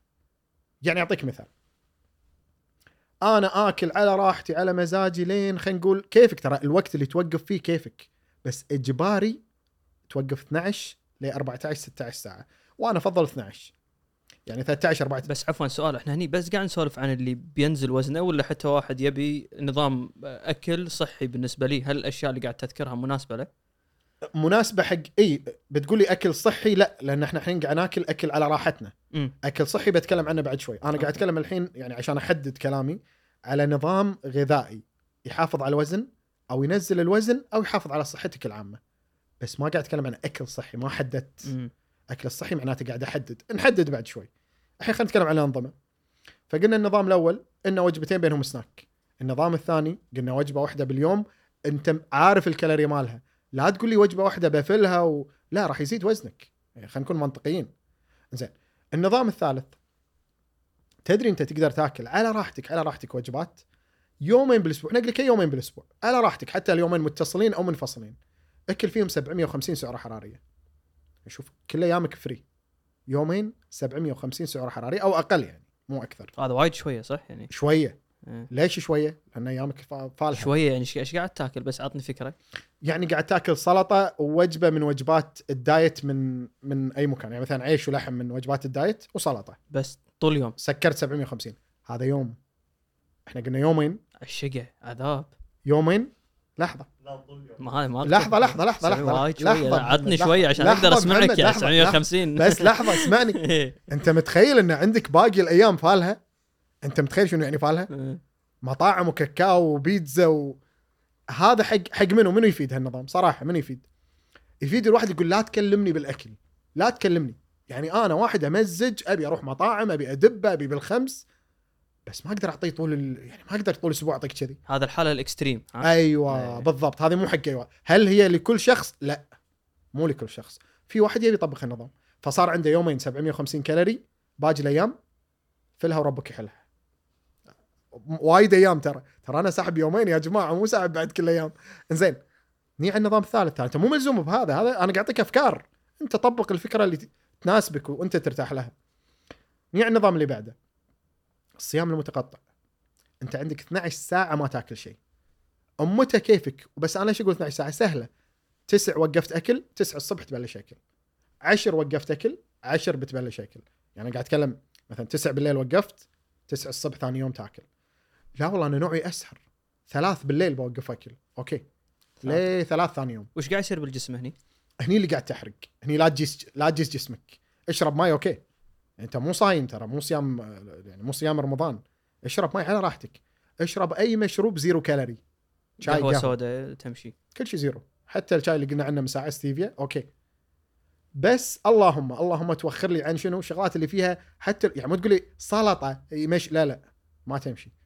لأن الهدف إنك بتريح جهازك الهضمي. السلطه مفيدة هن- هني عاد حكي المراجعين هيك. سلطة مفيدة قليلة بالسعرات. يعني أنا ما أدري. قاعد يعلمك ها؟ اي إيش دعوه سلطة بالنص إحنا مسوين هدف يعني كل شيء قاعد نسويه فيه هدف 16 ساعه منها انت نايم؟ أي جزء منها أنت نايم 6 or 7 ما أدري كل واحد عاد بس. هو ش... ليش هذا يساعد يعني إيش قاعد يصير بالجسم حزتها اللي لما تحرمها شنو اللي يصير؟ okay منطقيا هو منطقيا أنت قاعد تسوي شغلتين أول شيء هذا الوقت وقت الحرق إن أنت كل اللي كليته الحين قاعد يحرق إنه يبي أكل وأنت مو معطي وقاعد اكلمك عن 12 ساعة أنا ما قاعد أتكلم ساعة ساعتين زين هذا واحد اثنين كل مستويات السكر قاعد تنتظم لأنه ماكو أكل هو ماكو أكل أصلا يعني. بس المريح فيها إنه جزء منه أنت نايم. يعني أنت مو قاعد تحس أنا 12 ساعة شي قاعد وقاعد أحس بال أنت جزء كبير نايم. قاعد أتكلم ست سبع ساعات يمكن اللي قاعد وقاعد تبلش حياتك عاد ما تأكل هني.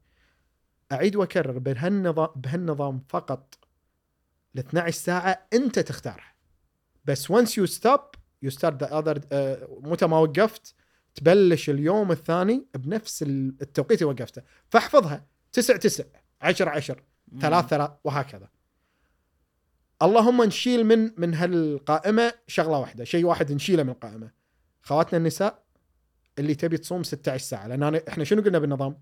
12 ساعة على الأقل فأكثر عادي. زين النساء. تقول لك أنا أقدر خصوصا النساء ترى وايد يتحمسون. أنا أقدر وست بدال ال 12 يبغى عطني 16 مم. أدري إنك تقدرين بس مو زين حق. تكرمون الدورة يعني راح تعفسك. فأنا ما أي أنزل وزنك وأضرك بشيء ثاني. فخواتنا النساء ارجوكم اللي بتطبق. طبقي بس تحطين 12 ساعة فقط 13 بالكثير. مم. لا تدشين 16 حتى لو تقدرين. زين أنا ريال روح. كرجل تقدر. إذا تبي 16 أوكي. مع إني أفضل 12 بس كرجل يقدر. النساء ما يقدرون. زين نيجي على نظام ثالث.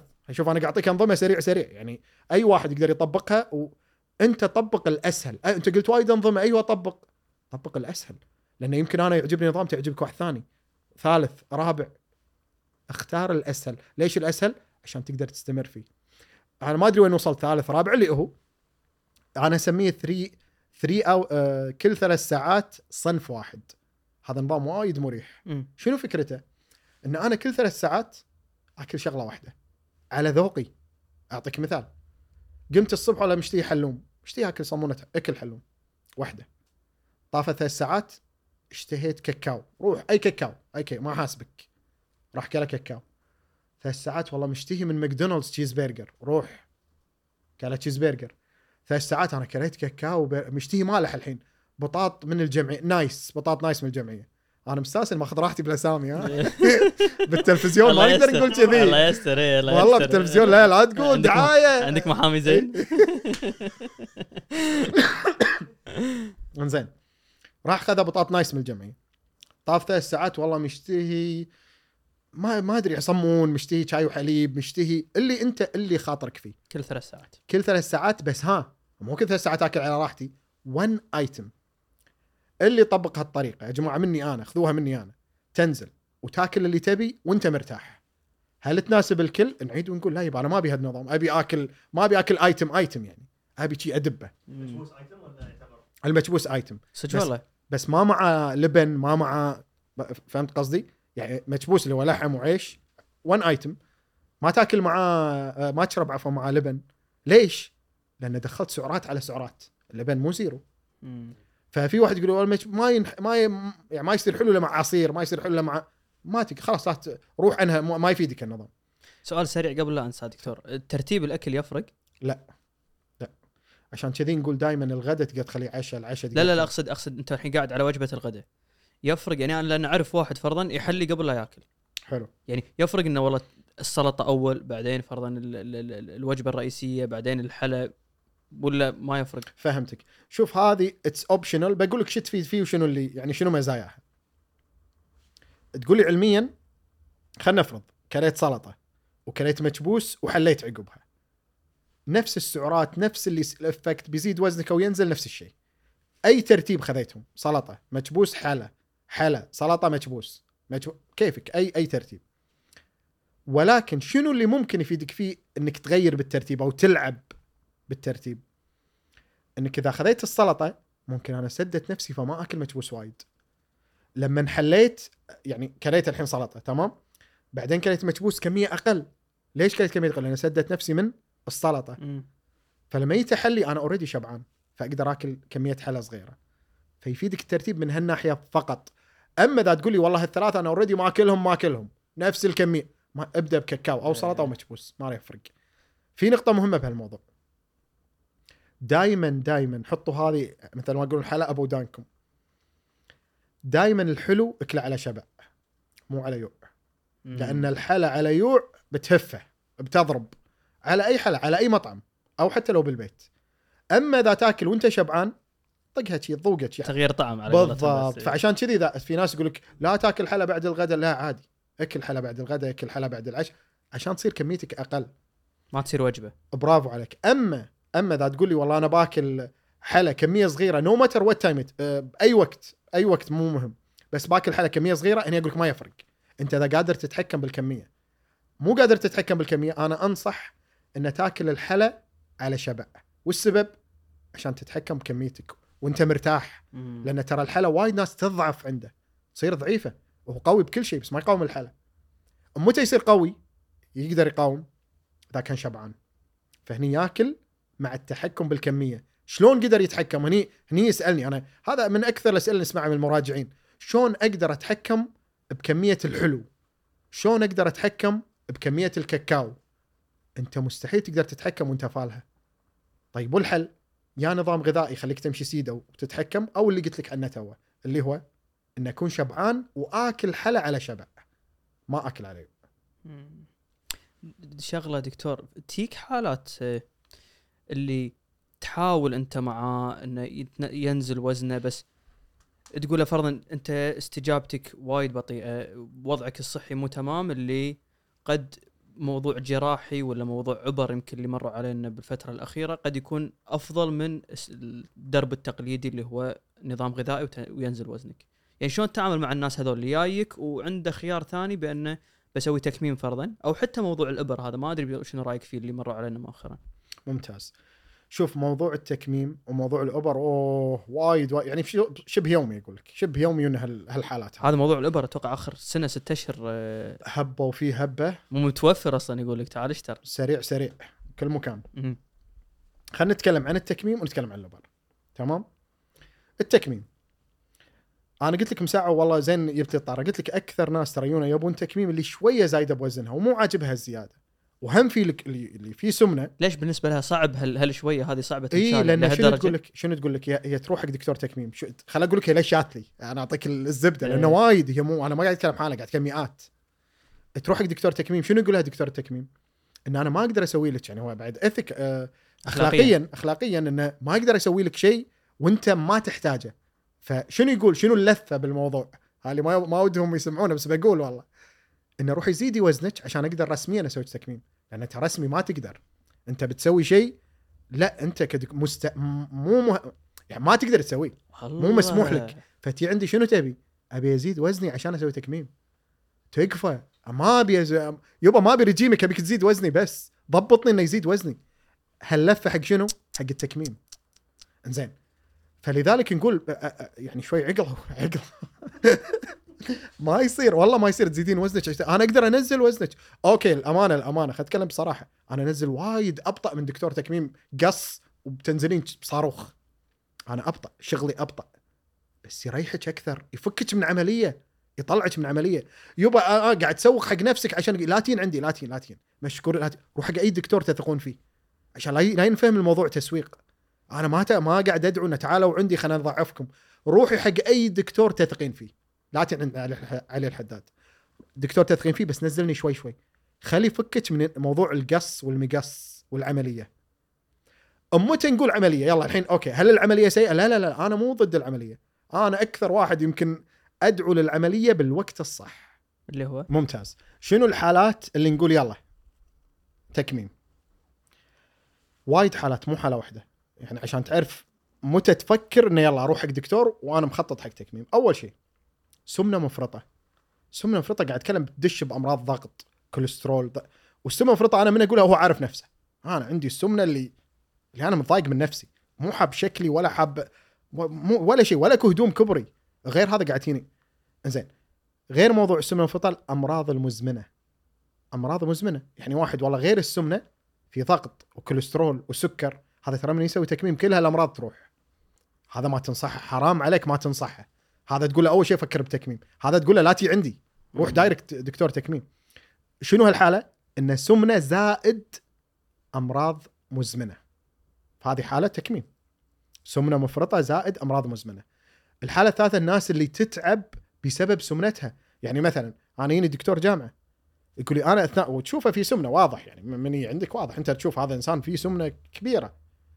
شغلة هذا شغلة زين أنت كدكتور جامعة وشغلك من يشرح الدكتور اليوم درسنا راح نتكلم تعبان. وهذا وهذا الديلي بي اليومي يعني شغله اليومي. واقف. على ريلة أيوه واقف على ريلة زائد قاعد يتكلم وايد. زين أنت إذا ما تسوي سمنة وبتعيش حياتك كذي راح تتعب. وين بتوصل؟ وين بتوصل؟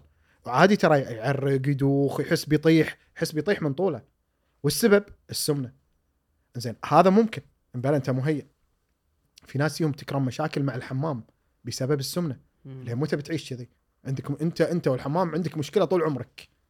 زين حلها نروح دكتور سمنة ويحل لك الموضوع بالتكميم. بل هذا حل مناسب لك. زائد في ناس يتعب من المشي. يعني يمشي خمس دقائق كنا أنا معاك ماشيين ثلاث ساعات قدام. هذا خمس دقائق. كنا ماشي ثلاث ساعات قاعد نركض بعد. يعني مشي سريع. شفت هذا التعب اللي يجيك بعد فترة إنه بس خلاص خلينا نرتاح شوي هو بخمس دقائق. زين تخيل هذا بيمشي بالافنيوز أنت متخيل كل خمس دقائق بيقعد؟ وهذيل المراجعين لما يقولوا والله الحمد لله الافنيوز كل خمس دقائق في كرسي. هي زين صح بس مو مهيئة عشان يعني حرام يصير فيك كذي. زين هذا إذا استمريت خلينا نفترض هذا استمر يبا ما بيسوي بستمر كذي. ضيق التنفس قاعد يزيد معك سمنتك قاعد تزيد الخشونة قاعد تزيد الركب راح تعورك أكثر. كل هذا مع عط نفسك عشر سنين قدام حياتك وايد متدهورة. إحنا دورنا نصيد السالفة قبل لا تتطو... يتطور الموضوع. زين خلينا نفترض أنت من قررت إنك تسوي العملية. اوه شوف أنت قمت تمشي. قمت تمشي مرتاح ما قمت تتعب كل خمس دقائق قمت تمشي ساعة. شنو بيصير بناء على هذا؟ صحتك أفضل تنفسك أفضل ولأنك مشيت وايد الخشونه أوه بعيدة عنك. آلام بالمفاصل ما قامت تجيك آلام بالظهر راحت. كل هذا لأنك قررت تسوي العملية بالوقت الصح. فلذلك في ناس عبالهم إحنا ضد العمليات. لا لا لا لا كلش مو ضد كلش ننصح وبشدة ولكن للشخص اللي يحتاجها. منو اللي يحتاجها؟ قلنا س... بعطيكم بس two categories يا سمنة مفرطة زائد أمراض مزمنة يا إما إن هذه راح تقيك من وايد شغلات جاية قدام راح تقيك من disc راح تقيك من آلام مفاصل راح تقيك من آلام ظهر. هني نقول لك سوها بس مفرطة لها حسبة ولا تقديرية الموضوع يعني؟ إي نعم مفرطة. لا شوف هو موضوع لأن أنا ما أخاف أنا يجون هذول ملوتك. ابو 5 كيلو يقول أنا مفرطة وتكميل. لا هذا يعني ما أحس في ناس يبالغون يعني. شوف السمنة مفرطة أول شيء يعني علميا إي لها حسبة. يعني يحطها يشوف طوله على وزنه على يحط لك الدهون نسبة الدهون فلها حسبة. إي مو مو خذوه فقلوه. فهذه النسبة معروفة كلنا ندري إن هذا سمنة مفرطة. وعموما عموما السمنة المفرطه غير موضوع الحسبة هو بتشوفه بالشكل. يعني انت بتشوفها في سمنة مفرطه بس الحسبه عشان يصير كلامنا علمي. يعني ما يصير ها هذا بس شيء لا لا يصير كلام علمي. إن عندك BMI مرتفع بنسبة معينة. BMI شلون ينحسب؟ طول على وزن على توقف بالجهاز اللي يحسب ال- الشحم والدهون والبروتين. كلنا راح نتفق إن هذا فيه سمنة مفرطه زين فيك سمنة مفرطه ضروري تسوي تكميم؟ نسبة عالية إنه يفيدك الموضوع. ما عندك أمراض مزمنة مع سمنة مفرطة وتبي تسوي نظام غذائي ممكن يفيدك بدون تكميم. عندك أمراض مزمنة مع سمنة مفرطة ما جربت مليون نظام غذائي ماكو فايدة؟ روح تكميم على موضوع النظام الغذائي والوجبات حياتنا اليوم اللي هي يمكن وايد من ثمان إلى عشر ساعات قاعد على مكتب واصبح موضوع الجلوس يعني أنت لازم تروح النادي عشان عشان تتحرك يعني أغلب وقتنا إحنا قاعدين. فقاعد أحاول أستوعب إذا الثلاث وجبات ال- اللي متعارف عليها من من قدم. للحين مناسبة لحياتنا اليوم ولا هذا المفروض شيء متغير من زمان. بس كون إحنا نقول ريوق غدا عشاء. يعني ما أدري هل ال system هذا للحين متوافق مع طريقة حياتنا؟ حلو. حلو. سؤالك وايد حلو ممتاز. شوف الثلاث وجبات واللي بينهم سناكات أو ما بينهم سناكات ال system التقليدي من من أيام أجدادنا. ريوق غدا عشاء. لليوم مستمر. نظام حلو حلو. نظام زين صحيا قاعد أتكلم. نظام زين صحيا صحيا زين. مم. هل الكل يفيده لا. مثلا مثلا أنا يبقى واحد ما أحب الريوق. ضروري أتريق؟ كلش مو ضروري تتريق. زين هل ننصح بالريوق ولا لا؟ كوجبة. الحين هذه من الثلاث وجبات. أنت قاعد تمشي بنظام غذائي. تحب الريوق؟ حط ريوق عشان تستمر. أنا العكس ما أحب الريوق. أشيل نظام أشيل الريوق من وجباتي وأموري 100% صح. فأنا مو ملزوم. تستبدله بشيء أنا موضوع الريوق بالنسبة لي مهم. تستبدله بشيء؟ لا. صفر. صفر. شوفوا موضوع الريوق خلينا نتكلم عن الريوق بما إنه مهم بالنسبة لك. الريوق وايد راح تسمعون عليه لغط وايد. يعني اللي يقول لك أهم وجبة باليوم واللي يقول لك الريوق مو مهم أصلا. شنو يعني ريوق؟ عادي. واللي يقول لك الريوق optional واللي يقول لك ضروري. ما تتريق أنت أنت إنسان ما تعرف بالصحه بس أهم وجبة وهي الصحة وهي العافية واللي تعطيك power حق اليوم. شنو الصح؟ الصح جسمك شنو يبي؟ إذا جسمك متعود على الريوق وتبي ريوق روح كمل بطريقك ليه طول عمرك. إذا جسمك مو متقبل الريوق والله أنا ما أبي أتريق ولا أحب أتريق، أنت مو مجبور تتريق عشان يصير اسمك صحي ولا مجبور تتريق عشان يعطيك طاقة. أنا أعرف ناس ما شاء الله وايد كثر يروح النادي كل يوم يناقز وينطط وحديد وكارديو وبدون. ريوق أموره طيبة. هذا ما تيجي تقول له تعال تريق عشان صحتك. هذا هو عايش حياته بدون ريوق. فالموضوع وايد نسبي وايد نسبي. الريوق زين ولا مو زين؟ أنت تبيه ولا لا؟ أنا أبي أبي حق لأن أنا ما تريق أبي حق اللي ما يبونه. لأن تسمع أشياء ماي حار الصبح عسل ما أعرف يعني في أشياء معينة اللي تنصح فيها الصبح حق الناس اللي ما قاعد يتريقون ريوق التقليدي شوف تقول لي عسل وماي هذا مو ريوق يعني هذا واحد يبي يحافظ على صحته بس ما تعتبر ريوق يعني. شارب عسل وماي إنزين. أنا بختم موضوع ريوق بشغلة. إذا أنت الحين أنت تحس إن جسمك يحتاج يتريق عشان تأدي بيومك تريق. نقطة سطر. حاسس إنه والله مو شرط ريوق لازم أتريق. عشان صحتي لا مو لازم نهائي. عيش طول عمرك بدون ريوق. خذها مني جارنتي مم. طول عمرك بدون ريوق طول ما إن صحتك زينة أمورك بالسليم. نيجي على موضوع نيجي على موضوع اللي حضرتك تفضلت فيه العسل والماء مم. okay تنصح ولا ما تنصح؟ مو للكل. عسل وماء يرفع السكر. في ناس ترى عباله إنه عسل وطبيعي وماي حار. في ناس نقول له ضروري تاخذ عسل وماي الصبح ضروري. مثلا عنده مشاكل بالمعدة لازم تبلش عسل وماي يهيئ المعدة. الدكتور في دكتور يوصف له يقول أنت بلش يومك بعسل وماي هني صار هذا مو ريوق بس هاي صارت وجبة كأنها دواء. هذا جزء من علاجك. في وايد ناس ترى في قولون نقول له ابدأ بعسل وماي آه، في مشاكل بالمعدة في جرثومة معدة في مشاكل بالجهاز الهضمي. فنقول له أخذ. وين مشكلتنا؟ إي اخوه ولا اختها ولا كذي يعني الناس الرلا- سيروا له أيوه أقاربه، أقاربه أي. أقاربه يجون اقاربه آه الدكتور قال له عسل وماء يعني هذه الوصفة الخلطة اللي ما ندري عنها. أخذ عسل وماء وأنت ما فيك شيء. لا لا مو كذي. تاخذ عسل وماء أنت ما فيك شنو يرتفع عندك؟ السكر. زين انت عادي يحوشك سكر من كثرة س- عسل وأنت عادي يحوشك سكر. أساساً. إي فالعسل إحنا مو ضده ولا نقول مو زين بس ما تاخذه يعني كذي يعني ماشي بالدرب خذ عسل وماي احتجت دكتور وصف لك أخذ غير هالكلام ما راح يفيدك إلا مثلا توي راد من النادي أبي شيء يعطيني شجر بس أبي مصدر طبيعي آه أو أو اللي يتبعون نظام اللي إحنا نسميه رجيم بدون سكر تبون نتكلم عنه؟ اي هذا ما شلون يصير بس مرة حاولت اسويه طلع كل شيء فيه شكر ليش تعسل منوفي في اليوم؟ هذا شيء صحي ولا هم دعاية؟ حلو خلينا نتكلم عن هذا وندش على هذا. توكل على الله. واشرب شايك على راحتك خل ريح شوي إيش رأيك؟ لا فيني طاقة فيني يلا،. يلا، توكل. هذا كله داير ترى قلت له والله ما راح اقصص وايد تقصص بحياتي قلت له بحياتي ما سويت مقابلة أكثر من ساعة. الحين لو تقول لي ست ساعات ولا أدري على الوقت والله. وأنتم مسكرين علي كذي ما أدري شنو برا. حاكرينك ها؟ والله وذمتك.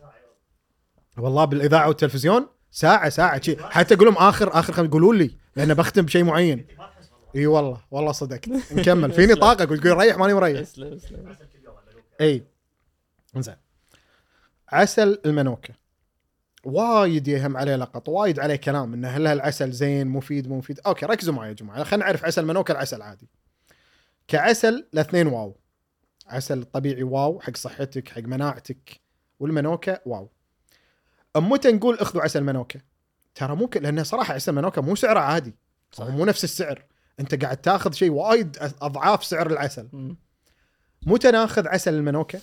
في الحالات التالية عندك مشاكل بالمعدة ما ينفعك العسل عادي مع إنه زين بس أو المنوكة لا يوديك level ثاني بإنه راحة مرتاح صدق صدق يعني فارق معي الموضوع عسل منوكه تاخذه عندك مشاكل بالجهاز الهضمي مم. عسل منوكه تاخذه عندك بكتيريا ضارة وايد تبي تذبحها عسل منوكه تاخذه عندك مرض فيروسي يفيدك إذا تذكرون أيام الكورونا كان الوضع مفيد لأنه قاعد تدش على مرض قاعد تحارب مرض. ولكن ما اخذ أنا حالتي عادية وبروح النادي وطق لك عسل منوكة. مو إنه ما يفيد لا لا لا راح يف- راح تأخذ كل فوائد عسل منوكة. بس تفسفس. برافو عليك. قطيت مبلغ ما له داعي. قطيت مبلغ مثلا مثلا نقول خمسينات بشيء أقدر أخذ 90% أيوة، شنو؟ عادي القرشة ب 50 صح؟ أوه توصل أعلى توصل أعلى. توصل أعلى. قاعد تاكل ذهب. أيوه. بالضبط. بالضبط. أنت تقدر تاخذ نفس الفوائد إذا قطيت لك 10 دنانير على عسل عادي. على على واحد رياضي. أنا قاعد أتكلم عن رياضي وأبي أبي أخذ عسل بس يفيد صحتي. لهذا السبب سوينا أكو نظام مشهور عالميا مو مو أحد مخترعه يعني. اسمه نظام قطع السكر. هذا النظام لما تتكلم أول ما حد يسمع قطع سكر ما كز... لا لا لا طوف طوف. يمكن بالحلقة يطوف شيء ما أبي أسمع هذا. زين؟ ليش؟ لأن يقول لك أنا ويني وين قطع السكر؟ ترى حلو وسهل واللي تنصدم فيه انه يمكن تاكل سكر أكثر من الوضع الطبيعي بس مو السكر الأبيض. زين مثال أنا بعطيك مثال على واحد بيسوي قطع السكر. أنت متخيل النظام تاكل اللي تبي؟ اللي تبي اللي تبي بتريش مرتاح ومستانس و... تبي تاكل شاورما، تبي برجر، تبي مطاعم، تبي بيت، تبي باليوم نفسه مطعم وبيت. انت مري... وتاكل الكمية الحلوة اللي تشبع وتونس. طيب وين المشكلة الحين اللي تينا فيه؟ تينا السكر.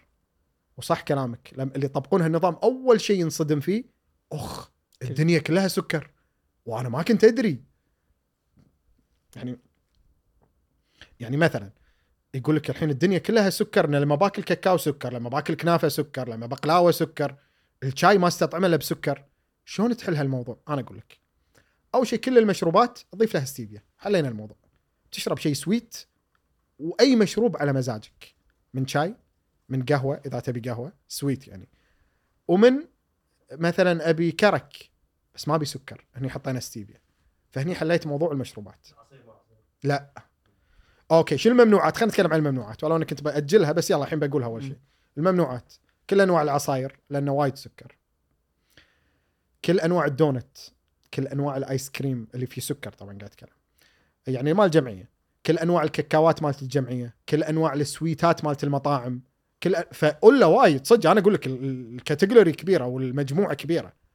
زين بس شنو اللي نفتح بالمقابل؟ زين أحتاج شيء sweet. أبي آكل شيء sweet. أي شيء مع عسل. أو عسل نفسه. أي نوع فاكهة sweet. أي نوع. فاكهة مو عصير فاكهة مو عصير يعني المانجا عادي مانجتين مو مانجا. أوه. مدلعك بشيء ثاني إيه. مسكر باب فاتح باب ثاني. العادة كلها مانجا لا لا لا لا مانجا عادي موز عادي وبدال واحدة ثنتين أه، تبي غدا وع... يعني بعد الغدا بمانجا بعد عادي.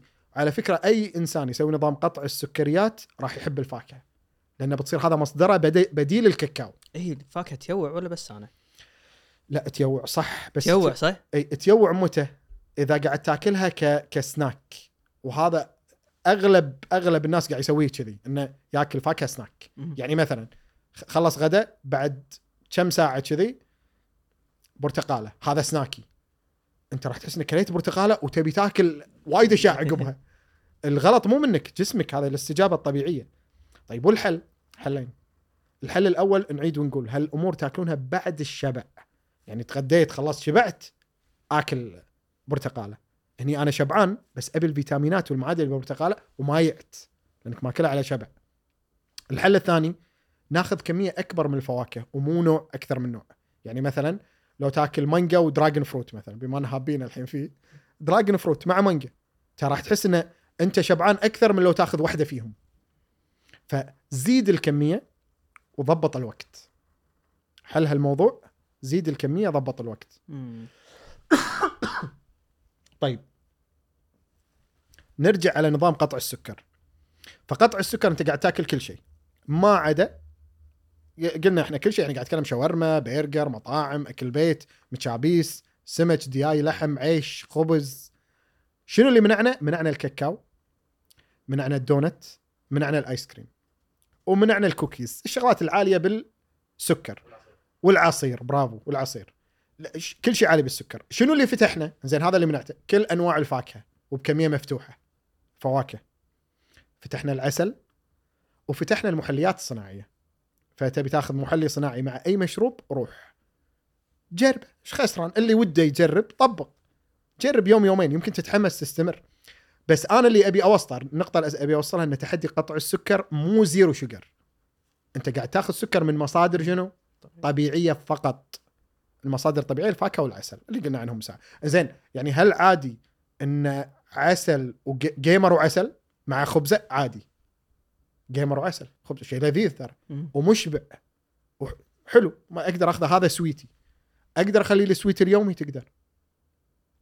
أقدر أخلي هذا sweet رقم واحد. وال sweet الثاني مثلا مانجا مع عنب ولا مانجا مع عادي. ما أبي مانجا أبي عسل أبي عفوا أبي موز عادي. بس القصد إنك ترتبط تربط النظام كله بفواكه. وبعسل وبال sweetener اللي هو المحلي zero calorie. هذا اللي تحلي فيه. عدا ذلك كل شيء مفتوح.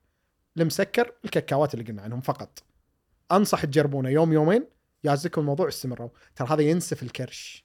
مم. نسف نسف. يعني يمكن أسرع نظام راح تشوف يطير كرشك وأسرع نظام ينزل وزنك. يعني كنزول. يعني عقب اللقاء نص ساعة تعطيني نص ساعة بلوشي تكتب لي نظام.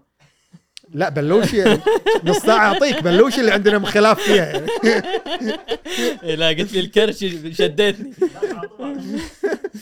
آه، بس أنت ما إذا كنت بتكمل شيء لأن كنا نتكلم على نظام الثلاث وجبات إنه نظام تقليدي كنت قاعد اي تتكلم اي صح صح ذكرتني يعني مناسب لعيشتنا اليوم ولا مو شرط؟ حلو.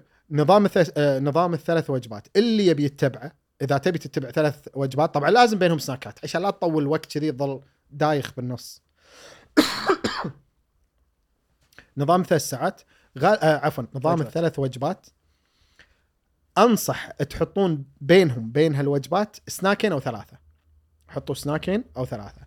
الهدف الشبع الهدف عشان تطبق النظام وأنت مرتاح وتطبق النظام ويستمر معك.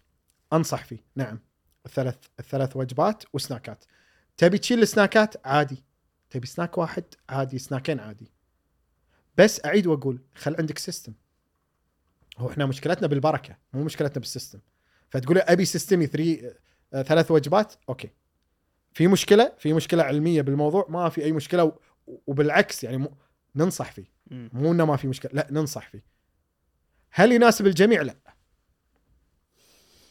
إيه أنا بدي أتكلم على موضوع المطاعم. خصوصا وايد حياتنا اليوم صارت معتمدة على المطاعم بس حق القلة القليلة اللي ما زالت صامدة وتطبخ حق نفسها. هذول في أشياء معينة فرضا الزيت اللي تستعمله الملح اللي تطري على بالك إنه قد يحسن من جودة الأكل اللي هو قاعد يطبخه. ممتاز. الوجبات عموما اللي نسويها بالبيت أنا مثل ما ذكرت إنه مثلا واحد سوى مكبوس. 100% أكلك ممتاز. إذا تاكل كمية صح إذا بتخلص نص الجدر دشينا موضوع الكميات.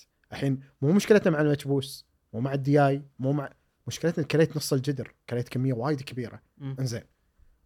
ال quality الحين هذا المكبوس نفسه. ال quality هل كل بيت يسوي بنفس ال quality قطعا لا. شلون أخلي المكبوس مثلا يطلع بطريقة صحية؟ هو اللحم نفسه إذا خذيت اللحم النوع الطيب يعني. فأنت الحين اللحم ثبتنا إنه نوع طيب من اللحم. العيش غالبا تاخذ بسمتي. نوع عيش طويل حبته طويله ممتاز. تي مشكلتنا مع الدهن بس. هني عاد من بيت لبيت وايد يفرق الموضوع. يعني يمكن حتى أنت داش بيوت تشوف تاكل مكبوس موزون. حلو مكبوس موزون. في اللي يقدر أيوه. فوق عداني. عليك نور. إيه. وفي اللي تدش أنت تشوف يعني أنت أنت شوف ما, ما فيها تغذية. أنت يلمع تدري. يلمع. يلمع العيش وأنت إيدك تلمع والصحن يلمع. كل شيء لماعي يعني كل شيء قاعد يعكس إضاءة. إيدك الصحن العيش. هني شنو اللي صار اوفر دهن الدهن. فنعم إحنا ما قاعد أقول لك غير نوع الدهن ولا لا حط الدهن اللي أنت تحبه. بس حط الكمية المعقولة وما قاعد أقول لك خله ناشف عشان يكون صحي. لا. أكل أكل أكل طبيعي. بس لا تأفرون. يعني عندي مشكلة مع التأفر ما عندي مشكلة بالأكل الطبيعي. والله أشوف بيوت وايد منها مو شوية. أنت يمكن داش أكثر من بيت شايف. لما يعزمك وهو ترى يعني متوصي فيك ها يعني مو قصده إنه بي- هو متوصي فيك إنه يعني بالذوق اكل اكل إيه. يعني أكل الواو يعني. فبتشوف كمية دهون وايد عالية وعلى فكرة كان ينطبق بيت ومطعم حتى المطاعم حتى المطعم. أنت تدش مطعم أكل كويتي. تشوف كمية الأكل زينة الكمية أنا قاعد أتكلم زينة. زين النوعية؟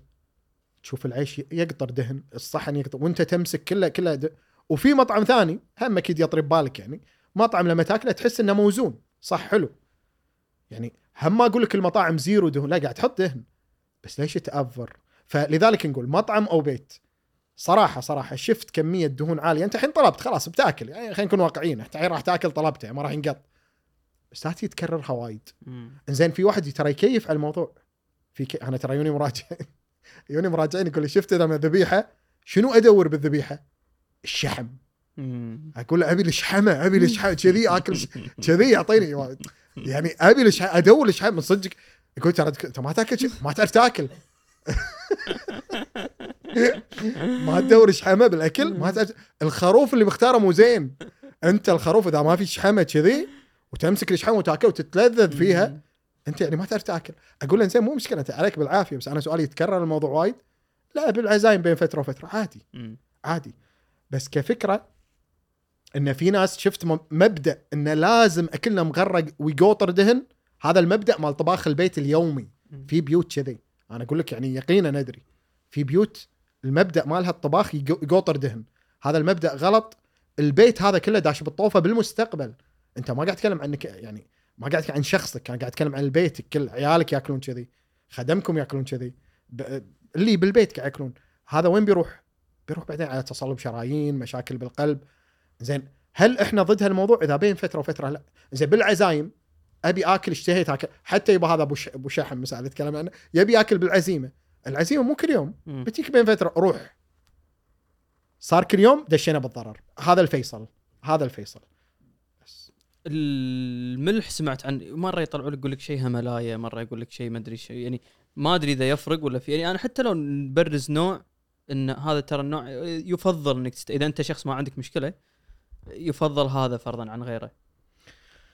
الملح عالم كبير بس زبدته زبدته إنه ما راح يفرق أي نوع ملح تاخذه. جسمك بالنتيجة راح يستقبل إنك خذيت ملح. الحين ملح الهملايا أو الملح الوردي أو أو أو أو كله بالنتيجة جسمك أنا ما قاعد أتكلم عن شكل الملح إنه في ناس ترى على الشكل يقول لا هذا مبين شلون مبين صخري وغير مو نفس هذا مال المائده الرخيص ينباع بالتم لا لا مو هو مو على الشكل. أنا قاعد أتكلم علميا. لما يدخل جسمك جسمك راح يستقبلها كشنو؟ كملح. الترجمة اللي تترجم داخل جسمك كملح.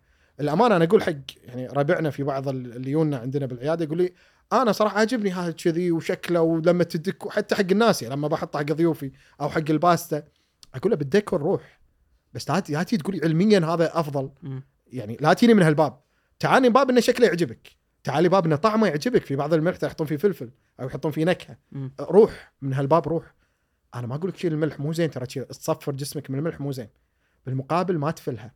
زين شنو أفضل شيء؟ أنا أقول لك الطريقة اللي أقولها حق مراجعيني. شنو أقول لهم؟ أنا شو تسوون؟ أفضل شيء أخلط ملح المائدة الطبيعي هذا اللي ينباع بالجمعية مع الملح الصخري أو ال- الملح اللي تحبه. ليش قاعد تسوي الاثنين هذا؟ ليش تخلط؟ لأن ملح المائدة يضاف له يضيفون له يضيفون له يود. ينضاف له. حتى اي امسك أنت لا اقرأ اقرأ مكتوب عليه. إضافة يود أو ايودايد بالإنجليزي مكتوب ايودايد كبيرة وغالبا يبرزونها ليش؟ لأن أنا ضايف لك هالمادة وهالمادة زينة ليش؟ ليش قاموا يضيفونها؟ لأن جات فترة بالعالم صار عندهم تضخم بالغدة الدرقية واكتشفوا الموضوع بسبب نقص اليود ما الناس ما تأكل السمك وايد. شنو الشيء اللي يأكلونه البشر البشرية وايد؟ الملح أغلب الناس فقالوا إحنا كمجتمع كعالم كعالم نحط اليود بأكثر أكل ياكلونه الناس عشان لو أنت ما تأكل لو ما تأكل سمك إن شاء الله أمورك بالسليم إنك قاعد تأخذ يود. من وين ماخذه؟ من الملح المائدة. وأنت ما تدري. ملح المائده قلنا هذا. مثل ما فقط ملح الماء زين لما تجيب الهملايا ما في يود يعني مو مضيوف هو مو هو شيء تضيفه. ما هي مو مو كذي يعني مو شد بلادة. زين فالحل لما تخلط الأثنين خذيت فائده اليود وخذيت كشختك مالت الملح هذا اللي تبيه الشكل؟ ال look هذا chic chic. وأيضا أيضا أنا أقول لك يعني أنت لما تجمع sourceين من الملح خذيت فائده هذا وهذا. فأنت تبي تقول لي مثلا هذا في أمل... ترى شوف ملح. آه، مثلا ملح الهملايا في معادن وفي مو موجودة بالملح العادي. نتفق. بس عشان توصل إن جسمك يستوعب إنك خذيت المعادن هذه لازم تأخذ الغرشة كاملة. من يسوي كذي؟ زين خذيت جزء بسيط وين المعدن؟ وين هذا ال- اللي أنت مركز عليه؟ ما راح يح... ما راح تشم ريحته يعني. مم. صح في معادن أكثر؟ يعني تقول لي في معادن أكثر؟ في معادن أكثر. جسمك راح يستوعب هالمعادن أكثر؟ لا. إنزين والحل؟ أنا قلت لك أفضل حل أخلط الملحين. عليك بالعافية. زين إيش رأيك نروح حق أكبر موضوع؟ مو أعقد بس آه، اللي واجهه جيلنا الحين. موضوع المطاعم. لا فلسفة معينة يعني فخل أعطيك شغلة الحين تنقال عندنا فرضا بمحيطي أنا بيننا وبين ربعنا إنه أطلب بس خلينا نطلب شيء نظيف. هذه الكلمة صحيحة في شيء نظيف في لما تطلب مطعم في شيء أحسن من شيء ولا يعني شلون تنصح على الأقل مراجعينك لما يجونك؟ خصوصا مع وفرة المطاعم واعتمادنا اليوم نمط حياتنا صار يتطلب منك. يعني صعب تلتزم بأكل البيت كل يوم. آه، صار جزء من حياتنا. فشلون تعامل مع موضوع المطاعم؟ صح. أنا أول شيء أقول حق مراجعين إن شاء الله بتاكل مطعم كل يوم روح. بس يهمني أكثر شيء يهمني إنك عارف شنو تاكل. كلمتك وايد حلوة. قلت لي أكل نظيف. كلمة أكل نظيف لها تفسيرين. في ناس يطالعون نظيف على ان نظافة المطعم إن المطعم مو contaminated مو مو ملوث. يطالع المطعم نظيف إنه مو ملوث. الناس الثانية تطالع نظيف إنه quality في يقول لك نظيف مو قصده نظيف لأن أغلب مطاعمنا الحمد لله أمورنا بالسليم هنا بالكويت بس يقول لك أبي quality زين فلما تروح مطعم شنو أسس الاختيار؟ شلون تختار؟ أنا الحين رحت لافينيوس صراحة يعني كان أتكلم بصراحة قاعد بوريك حالة واقعية يعني. دشيت لافينيوس وايد مطاعم. وكل واحد يقول لك الزود عندي. وكل واحد عنده قائمة منيو. فيها وايد شغلات. شنو أسس الاختيار؟ في أسس الاختيار حق كل المطاعم سجلها عندك. أول شيء تختار المشوي over المقلي. بأي مطعم كان. الحين أنا مو مهم شنو المطعم ياباني فرنسي إيطالي أمريكي. يهمنك طلبت grilled item هذا رقم واحد. النقطة الأولى اللي تنتبه لها. الشغلة الثانية مثل ما ذكرت لك سابقا ببداية المقابلة. أن قلت لك أنه لازم تشوف عشان تاخذ شيء quality تا... تشوف الحيوان اللي قاعد تاكله قاعد تشوفه. يعني مثال أعطيك مثال شيء تشوفه. الربيان قاعد تشوفه. آه السمك تشوفه. سلمون تشوفه. اللحم أي نوع لحم بس تشوفه. مو مو اللي مقصص ومنبهر ويقول لك ويحط لك بالمنيو ترى قائمة طويلة ما تفهم منها شيء لحمنا المقصص والمقل والمقدد والم... والممزوج وما أدري ممز... شنو. اي وتشوف النتيجة دائرة ما تدري شنو. دائرة. كرة. شنو هذا؟ شنو داخل يعني لازم؟ شيء بالنظر لما أقول لك شنو هذا تعرف. والله هذا كتف. هذا فخذ هذا صدر دياي فرضا. تعجبني محمد. برافو. كذي كذي أنت تعلم بسرعة أنا آه، ترى كف ملاحظ هالشيء كذي محمد أنت خذيت شنو؟ ال top quality ال top quality وأعيد وأقول لاحظوا معي حتى الحين إذا اليوم بتروحون مطاعم لاحظوا معي. من تروح على هالفئة اللي تونا تكلمنا عنها؟ بتشوف السعر يغلى. لاحظ روح على الكور هذيل تشوف أرخص. ليش؟ أنا كل ما زدت quality تكلفة على المطعم. والمطعم اللي قاط. قاعد يعطيك شيء quality فتزيد التكلفة. عادي. أنا أنا رأيي يعني قط على جسمك. اي هذا شيء قط عليه. شوي يعني شوي أغلى دينارين ثلاثة. استثمر فيه. است... برافو عليك. مم. طيب. فأول شيء إحنا رحنا على grilled item ثاني شيء إحنا رحنا على إنك قاعد تطالع ال animal نفسه اللي تبي تاكله وعارف أي جزء. فعموما عموما أي شيء ربيان أخذه. لأن ربيان. أي شيء سمك أخذه. سمك. التلاعب دائما على الدياي واللحم. هذيل اللي طالعهم. عدل اللي أركز. البيتزا carb. لا البيتزا carb. فأنا أقول لهم لي أبي بيتزا once a week هي أما- مرة قال قالها اسوء نوع أكل. يعني عبارة عن خبز فوق جبن. هو صح خبز وجبن بس مو اسوء اسوء نوع ال processed meat اللي هو ال hot dog اسوء من. البيتزا بعد. آه، وايد اسوء ال hot dog اسوء لأن شوف البيتزا تزيد وزنك بس ما تضرك direct قاعد تزيد وزنك على المدى البعيد إذا تأكلها بصورة دورية. النقانق ال hot dog هالأمور هذه لا قاعد تضرك direct. قاعد تأثر على أجهزتك. فلا البيتزا مو أسوأ شيء. يعني أنا أقول حق مراجعيني حتى لو بتاكل بصراحة بصراحة توايس آه، كل مرتين بالأسبوع تبي بيتزا أمورك بالسليم. زين حتى البيتزا يا جماعة لازم تعرف شنو تختار. يعني صراحة صراحة لازم تختار البيتزا اللي أنسب لك. شلون؟ أنا مو قصدي على المكونات. أنا قصدي الحين أغلب أنواع البيتزا يعطيك بيتزا رقيقة اللي هو أوه. هذه زينة دكتور ما تكفى قول لي زينة. أقل سعرات. ما أقول زينة يعني ما راح يعني أقدر أمشي زينة. معاك يعني أقول لك زين قص علي يعني. زينة. ودي والله. ودي طيبة ودي هذه. والله ودي بس ما أقدر ما أقدر. أقل سعرات yes. أقل كربوهيدرات. بالعقل والمنطق. عجينه كبيرة عجينه ضعيفة. شنو قللت؟ قللت ال carb. لما قللت carb ال carb شنو بيقل؟ بيقل الدهن اللي يمتصه. بيقل كذلك ال carb. وب... يعني سعراتك الحرارية بتقل. فأفضل ما في خلاف. ما في خلاف. فأنت بتروح على أي نوع بيتزا تبي أي نوع بيتزا تبي روح اخذ استمتع بس احرص إن البيتزا تكون ضعيفة. شوف شوف بقول لكم عن قاعدتين حق البيتزا بس بس بريحكم. القاعدة الأولى خذ بيتزا ضعيفة. القاعدة الثانية اخذ اللي فوق ال topping يا أما يكون cheese أو اللي هو الجبن أو veggie اللي هو الخضرة. يا خضرة يا جبن. طيب ليش؟ هذا لحم مفروم مدري شنو هذا وخ- أيوه لأن تونا تكلمنا عنه. لحم مفروم ما تدري شنو فيه دياي مفروم ما تدري شنو فيه. وغالبا غالبا لما نقرأ الدراسات نشوف ان اسوء انواع اللحوم اللي تت- تتواجد بالبيتزا. البيبروني معاهم هذول ها؟ من أسوأ انواع اللحوم. وأسوأ يعني أسوأهم. فأنت قاعد تأكل شيء ما له داعي. زين أنت أنت بتطلب بيتزا. إحنا أنا ما منعتك من البيتزا ما قلت لك ما يصير يعني أنتم يعني هم بعد ناخذ الحبل شد مو هي المشكلة أنت ت... أنت ت... اللي عزمت تطلب ورحت بالهذا يعني يت على مدري شنو زيد خلاص يا خربه خار أي، وهذا هل أنت. طالب؟ هذا موزاريلا ستيكس وهذا مدري بطاط هذه صح. هذه صح هذه صح. فشوفوا لا تفلونها بهالطريقة. صدق أنا وياك ترى هال- هالفئة موجودة. يقول رايح بيتزا بيتزا. خلها بابروني خل بعد موزاريلا ستيك زيادة جبن. زيا- كل أطراف. جبن هذه. أطراف جبن وزيادة جبن. إي يا جماعة شوفوا يعني السالفة مو إنه يعني أنت الحين أنا بعطيك بيتزا على صفة دورية. روح استمتع استانس. بس اخذ شيء أقل ضررا حق جسمك. مم.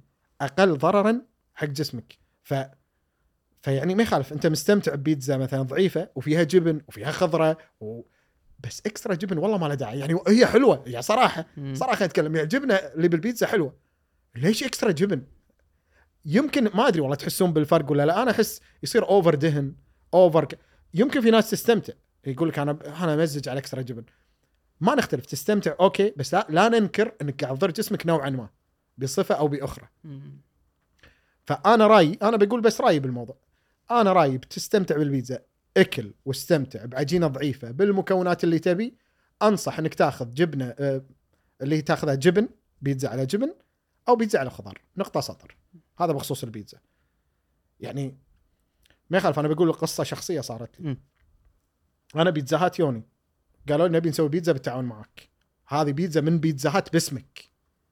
قلت لهم أنا حاضر بس أنا عندي شروط. انت بيتزا باسمي بتسويها بحط لك شروط. قال لي روح. قلت له أبي الخبزة سوردو وعلى فكرة مو دعاية ترى وقفنا. يعني ما بتطلبها ما في. فعشان لا تقولون دعاية مو دعاية ما في. اللي شافني قبل يمكن شهر أو شهرين موجودة. وبكل مطاعم بيتزا هات بالكويت كلها. إنزين. قلت لهم أبي البيتزا sourdough موافقين.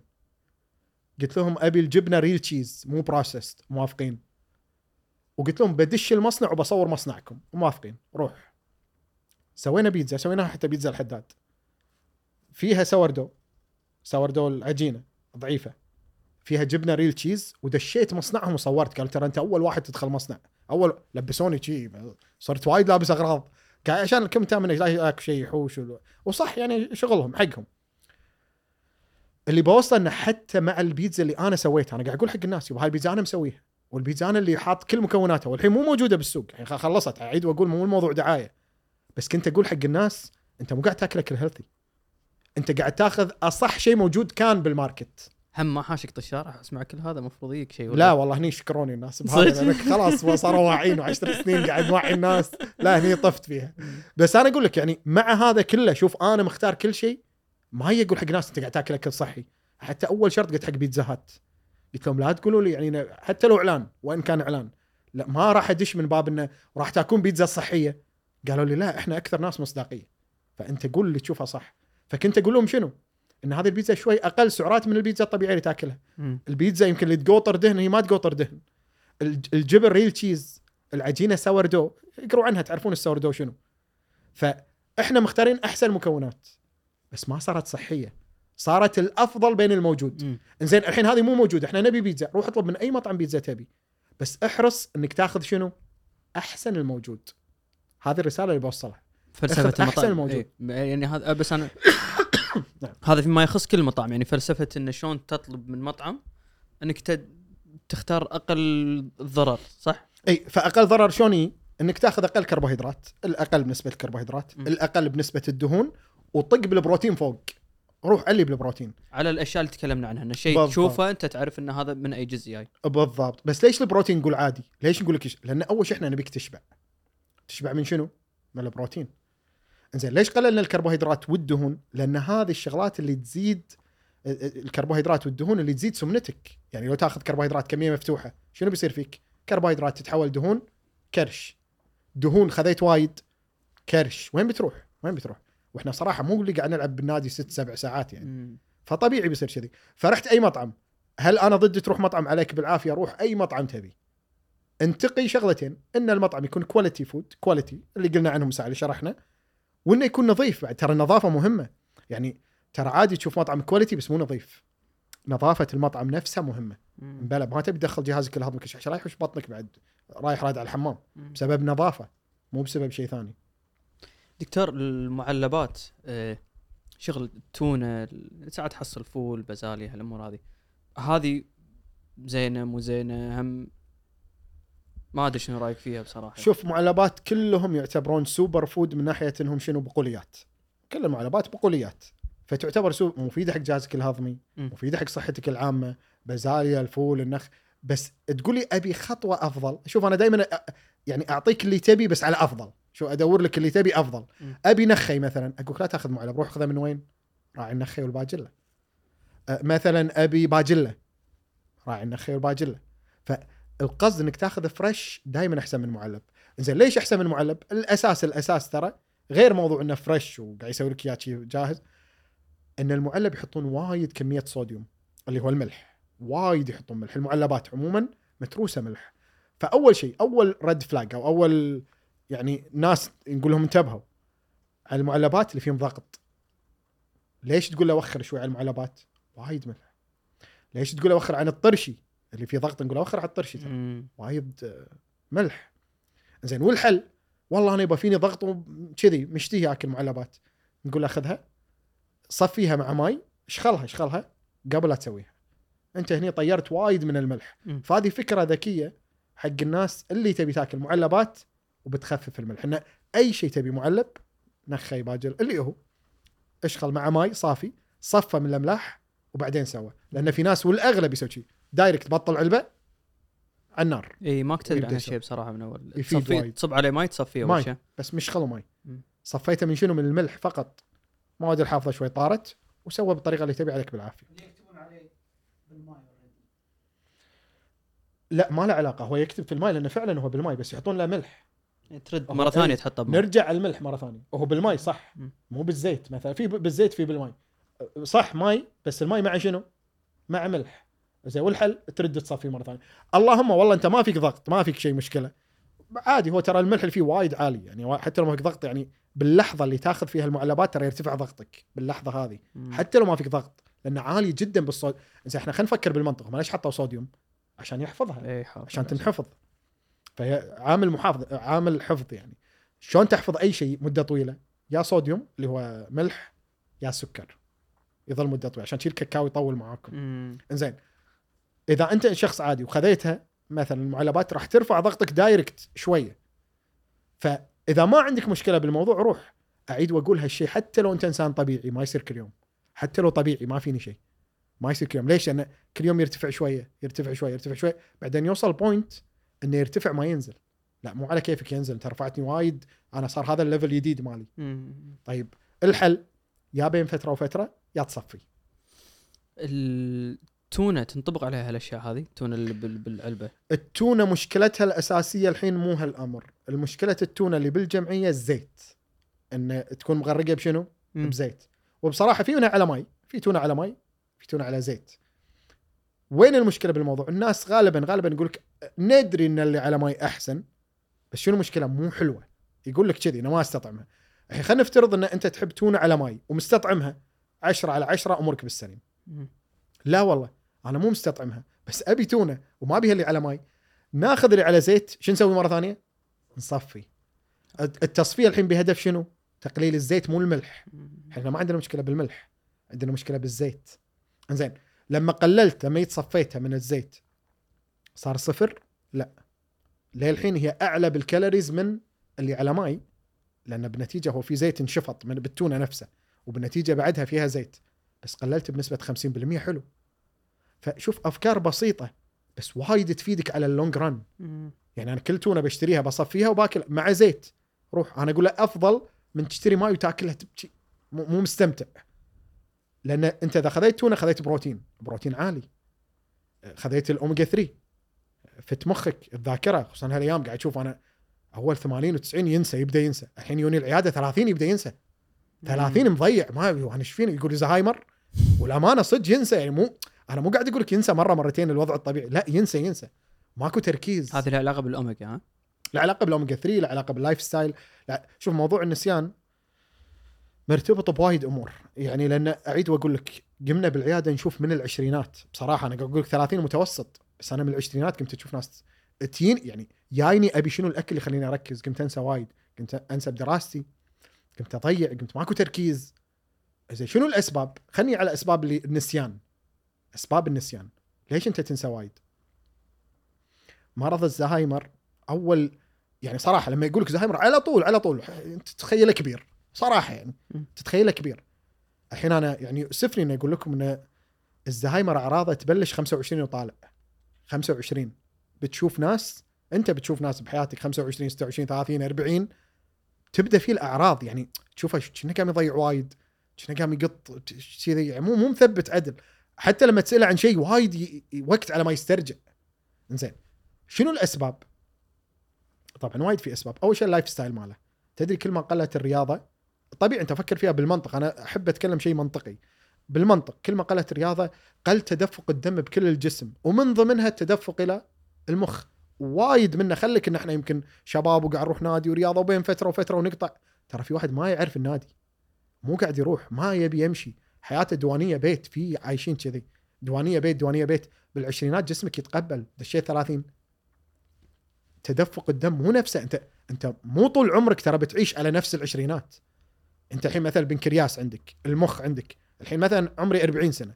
عمري 40 يعني مخي عايش معي 40 بنكرياس 40 س- 40 سنة عايش معاك. مم. 40 سنة بنكرياس مو نفسه مكان 20 صح. قاعد يعني ايجنج قاعد يكبر قاعد يصير يعمر. زين الرياضة قلة الرياضة قلة تدفق دم بالتالي طبيعي تدفق دم أقل للمخ التركيز شوي يقل النسيان يزيد. طبيعي. بسبب قلة تدفق الدم بسبب قلة ممارسة الرياضة. فأول شيء الرياضة. ما والله يا جماعة جربوا تمارسون رياضة بصجية. أنا ما قاعد أتكلم أمشي خطوتين بالفريج. ما مو كذي مو كذي. لا لا مو هذا قصدي. تمشي خطوتين بالفريج ما راح يفيد يعني مو ما يفيدك بس مو الفائده المرجوة. جرب تدش نادي نص ساعة مثل ما قلنا. جرب تمشي خطوات سريعة ساعة. جرب تخلص 10000 خطوة. جرب تشتري ساعة وتسكر خطواتك. ساعة ذكية. أي ساعة. مو مهم أنا عندي ال... إنزين. فهذا رقم واحد. أيضا العلماء اكتشفوا إن النسيان والزهايمر مرتبط بقلة الأصدقاء والعلاقات.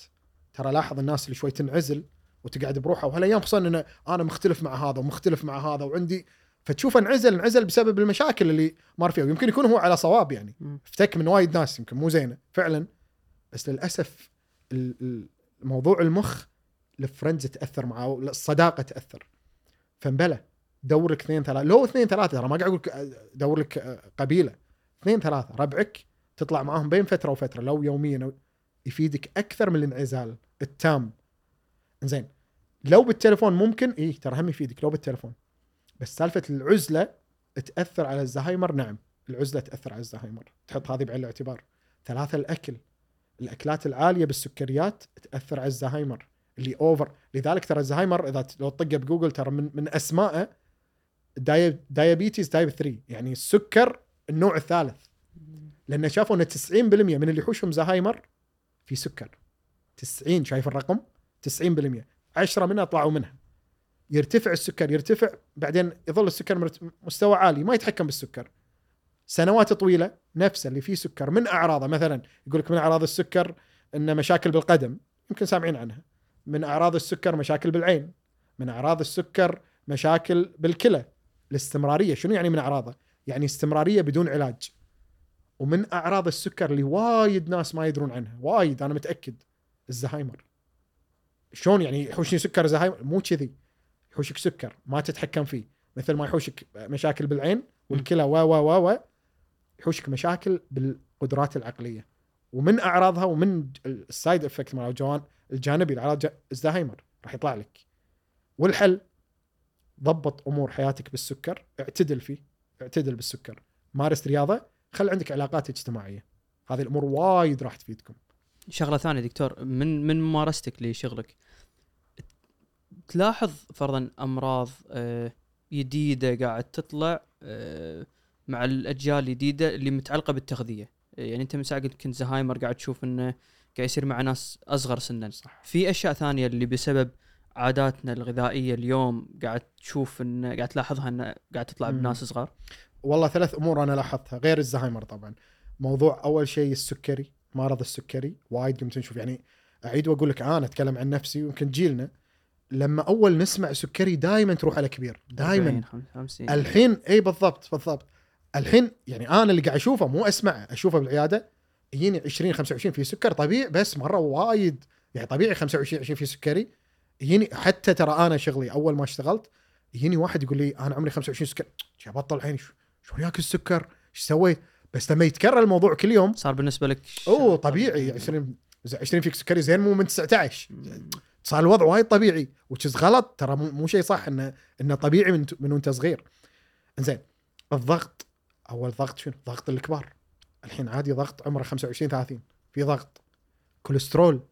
لا كوليسترول 16 17 ما يحتاج يكبر معاها زين. هذه الأمراض كلها الزهايمر الضغط.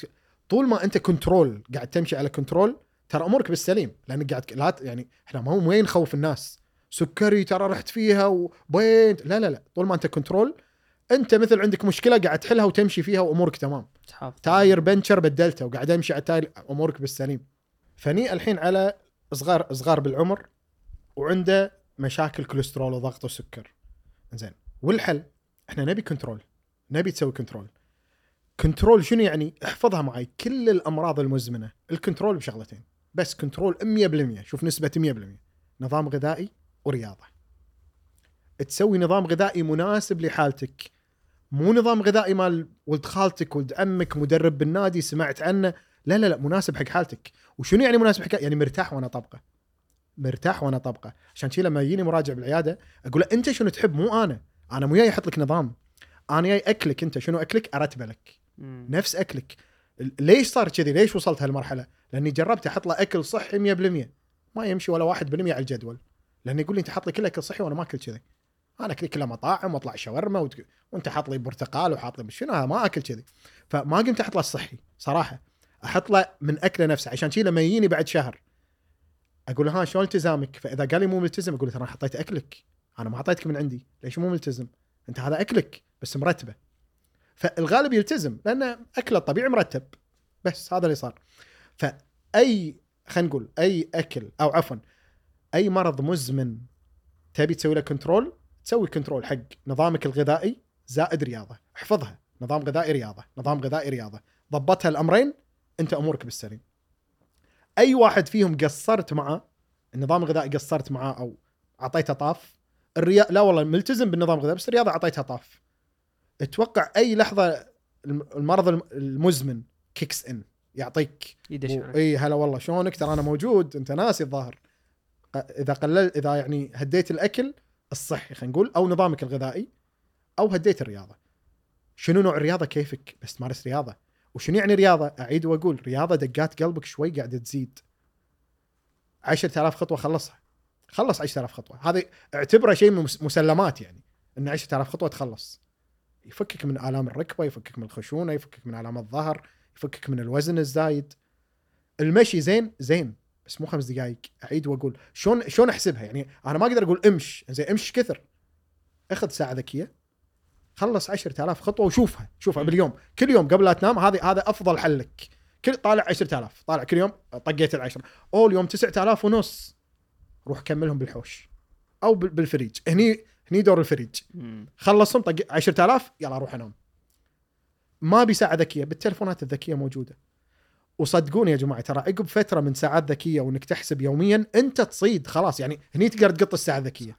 عقب سنين خلاص أنا عرفت إن أنا يوميا أسكر العشرة. الحين أتخلى عنها. بس لا يصير الموضوع أنا أتوقع إني سكرت وأنا ما أدري إيش السالفة. لا أكيد إني سكر أكيد. أنا طاق درب للجمعية اليوم. لا مو شرط. مو شرط. فهني تشوف. من تصيد الحبكة من تصيد القمندة؟ قطها. عادي. إيه، ال- اللي قاعد يشوف ال- هالحلقة هذه وتضرب عند اللمبة. يقول إن أنا خلاص بحاول أتبع كلام الدكتور. في شيء اللي ممكن الواحد يسويه عشان يعرف أنا وين النواقص عندي. مو شرط شخص يبي ينزل بالوزن بس شخص يبي يتأكد إن أنا بعيد عن الأمراض. يعني إيش تنصح شخص أول ما يكنه؟ في فحص يسوي يعطيك كل شيء يعطيك والله أنت هذا الأكل مناسب لك مو مناسب ولا آه عندك نقص في فيتامين معين بس وين أبدي؟ وين المربع الأول؟ حلو. اللي يبي يشوف أي نقص فيه لازم يشوف تحاليله. التحاليل اللي خلينا نقول مثلا CBC full profile أكو تحاليل معينة معروفة CBC full profile آه، تحليل إيش كثر عندك آه، كوليسترول إيش كثر عندك. هذه التحاليل تبين لي صحتك العامة من الداخل مو من الخارج. يبين لي أنت شلونك من داخل. لذلك أنا أقول أول شيء سوي تحاليل عامة التحاليل الشاملة الكاملة. زين سويت هذه التحاليل. بناء على النقص اللي فيك نسد هذا النقص. يعني مثلا سويت التحليل طلع عندك نقص فيتامين فيتامين B 12 هني أعطيك مكمل B 12 في ناس يقول لك والله أخذ طقة فيتامين ما يأثر. ما يضر ها؟ اي أنت ليش قاعد تقط فلوسك؟ عشان ما عندك نقص. وهو ممكن ما يضرك صح. يعني أنت ماخذ فيتامينات ماخذ معادن مفيدة. مفيدة حق جسمك. بس أنت قاعد تدفع فلوس على شيء جسمك ما فيه نقص ولا 1% مم.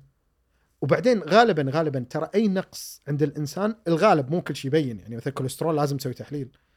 بس غالب ال- النقص يبين عندك بشيء فيك. يعني مثلا تشوف واحد يرجف. على عمر صغير. هاي من الشغلات اللي قمنا نشوفهم على الصغار أول هم يرجف وين؟ وين؟ أول يرجف كبير يعني بس ما طاج. ست سنين يرجف. تشوف اشوفها بالعيادة. عمره ست سنين يرجف. وما جايبته شوف شوف إيده. أو عمره 15 وطبعا في وايد أسباب. في أسباب نفسية في كثرة تفكير ال overthinking وايد أسباب. بس من ضمن أهم الأسباب للرجفة نقص فيتامين B 12 كذلك في ناس العكس رياضيين يعني أنا رياضي بالنادي متمرن ري- ريال رياض ما شاء الله جسمه فت ليش شايني؟ يقول لي أنا لما أسوي تمرين أرجف لما أسوي تمرين شي يتمرن عاد تجي هني تش- تش- نسوي انفستيجيت شنو مشكلتك؟ يعني يمكن مشكلته بال... لما تسوي تحرياتنا شنو مشكلتك أنت بالضبط؟ ليش قاعد ترجف؟ زين هذا مسكين يبي يتمرن كل يوم وعلى كل تمرين قاعد يرجف رجفة يقول أنا أخترع من نفسي وأقدر أشيل بس قاعد أرجف رجفة الكبار بالسن. هني يعني نفكر فيها بالمنطق ليش صار فيك كذي؟ أول شيء يمكن يكون عنده ضعف بالعضلة. يمكن يكون عنده مشاكل بالأعصاب. ويمكن يكون عنده نقص فيتامين B 12 بس بكل الأحوال لازم نصيد المشكلة. لازم نصيد عشان يعني نقص. مثلا مثلا نقص فيتامين B 12 إذا حليناه من الحبوب خلاص انتهى الموضوع. مع السلامة كمل تمرينك. جرب أخذ حبوب فيتامين B 12 إنزين. لا والله مع الأخذ بعين الاعتبار B 12 ماكو فايدة. هني تفكر بضعف العضلة. عضلتك ضعيفة. خفف أوزان شوي. زيد تكرار. لا والله ما هم بعد عندي مشكلة بهالموضوع. هني مفكر بضعف الأعصاب. فتجي على موضوع ثاني. فالقصد إن لكل مشكلة حل بس لازم نصيدها. تقول لي بخصوص التحاليل إي أنا أول شيء لازم أعرف تحاليلك شنو. وبناء على التحليل النقص نعطيك. ما فيك نقص ما تاخذ. زين ما يضر صح ما يضر. أو أول شيء في نقطتين على ما يضر. تاخذ شوي مكمل غذائي مثلا حبة اللي فيها مالتي فيتامين اي. هذا خلينا نتكلم عنهم بشكل عام الأوميجا ال multi يعني قاعد نشوف هم لهم رواج كبير بهالايام هذه. إي تاخذ واحدة ما راح تضرك بس مثلا أوميجا 3 أوميجا 3 مفيدة حق القلب مفيدة حق الشرايين مفيدة حق المخ. قلنا عن الزهايمر زينة لأن قاعد تشغل تشغل كل شيء. زين شنو ال side effect مالها؟ كثرتها. ما أوميجا 3 شنو هي؟ زيت. زين كثرة الزيت شو تسوي؟ أي زيت أنا أتكلم أي زيت حتى لو صحي حتى لو زيت زيتون. تسبب زيادة بالو... زيادة بالوزن. زين من وين جات زيادة الوزن؟ بسبب كثرة الزيوت اللي بالزيت هذا الطبيعي أو الزيت نفسه. زين زاد وزنك دشيت بمشاكل زيادة الوزن. فأنت الحين حليت مشكلة حليت إنه والله ما فيني زهايمر حليت مشكلة إنه ما فيني ضعف ذاكرة بس دشيت مشكلة سكر وضغط وكوليسترول. بسبب شنو؟ بسبب زيادة الوزن. زين من وين جات زيادة الوزن؟ الأفراط في تناول الاوميجا 3 آه يعني ما ناكل لا يا جماعة ما ناخذها كذي. مو يا آكل يا ما آكل. أنت تاخذ الكمية الصح. يعني الدكتور وصف لك مثلا حبة باليوم حبة باليوم. لا تجي تزيد من نفسك على أبو والله أنا بزيد المفعول. لا هو الدكتور يدري شنو جسمك ومعطيك الكمية الصح. فالقصد الك... زبدة الموضوع بال... بال... بالمكملات الغذائية. أول شيء إذا في حاجة أخذ ما في حاجة انساهم. هذا رقم واحد. رقم اثنين إذا اضطريت إنك تأخذهم بسبب إن الدكتور قال لك أخذهم أخذهم بالوصفة. يعني لا تأخذهم على بنا ما يضر ما يز... لا يضر. يضر كثرته يضر. كل فيتامين ترى كثرته تضر. فيتامين اي فيتامين في فيتامينات كثرتها تسبب عمى. في فيتامينات كثرتها تسبب مشاكل بالكلى. حتى بنادول يا رجل بنادول بنادول. بنادول الحين شيء مو كلنا حتى الصغار ياخذونه. زين اخذ بنادول وايد كليتك تضرب. مشاكل يصير عندك بالكلى. ما صار شيء بالكلى آخر شيء أقلها أقل بتحوشك حصوة. بسبب شنو؟ إفراط في تنا آه ما ناخذ بنا... الناس دائما ترى تفهم كذي. آه قال بنادول لا, لا بس وخ لا لا. ما قلت وقفوا بنادول يا جماعة لا ينفهم غلط الموضوع. أنا قلت لا تفرطون. إيش كثر يفتون بمجالكم؟ يعني أنا قاعد أستوعب الحين ال- البرودكاست اللي يندز وأخروا عن هذا هذا مو زين اكلوا ذاك هذا مو زين اكلوا ذاك. تبي أصدمك محمد؟ إيه. أنا اللي ركب الستاير ببيتنا يقول لي تبي أقول لك شيء عن أكل؟ الكل يفتي ها؟ الكل والله الكل. شغالين بالواتساب إي وما تدري شنو ت- شنو الصح شنو الغلط. وين أنا والله ما لوم الناس والله ما لوم الناس. يعني الناس لما أنا يدشون علي ب account ي مثلا أقول لهم الأوميجا 3 مفيد. ما قلت هالمعلومة الأوميجا 3 مفيد. منو نصدق في دكتور فلان؟ ويحط اسم الدكتور. قال إنه مو زين أنت تقول زين. قال إنه أكبر كذبة بالتاريخ الأوميجا 3 ويحط اسمه. ودكتور محترم و- ورأيه محترم بعد. هم رأيه محترم.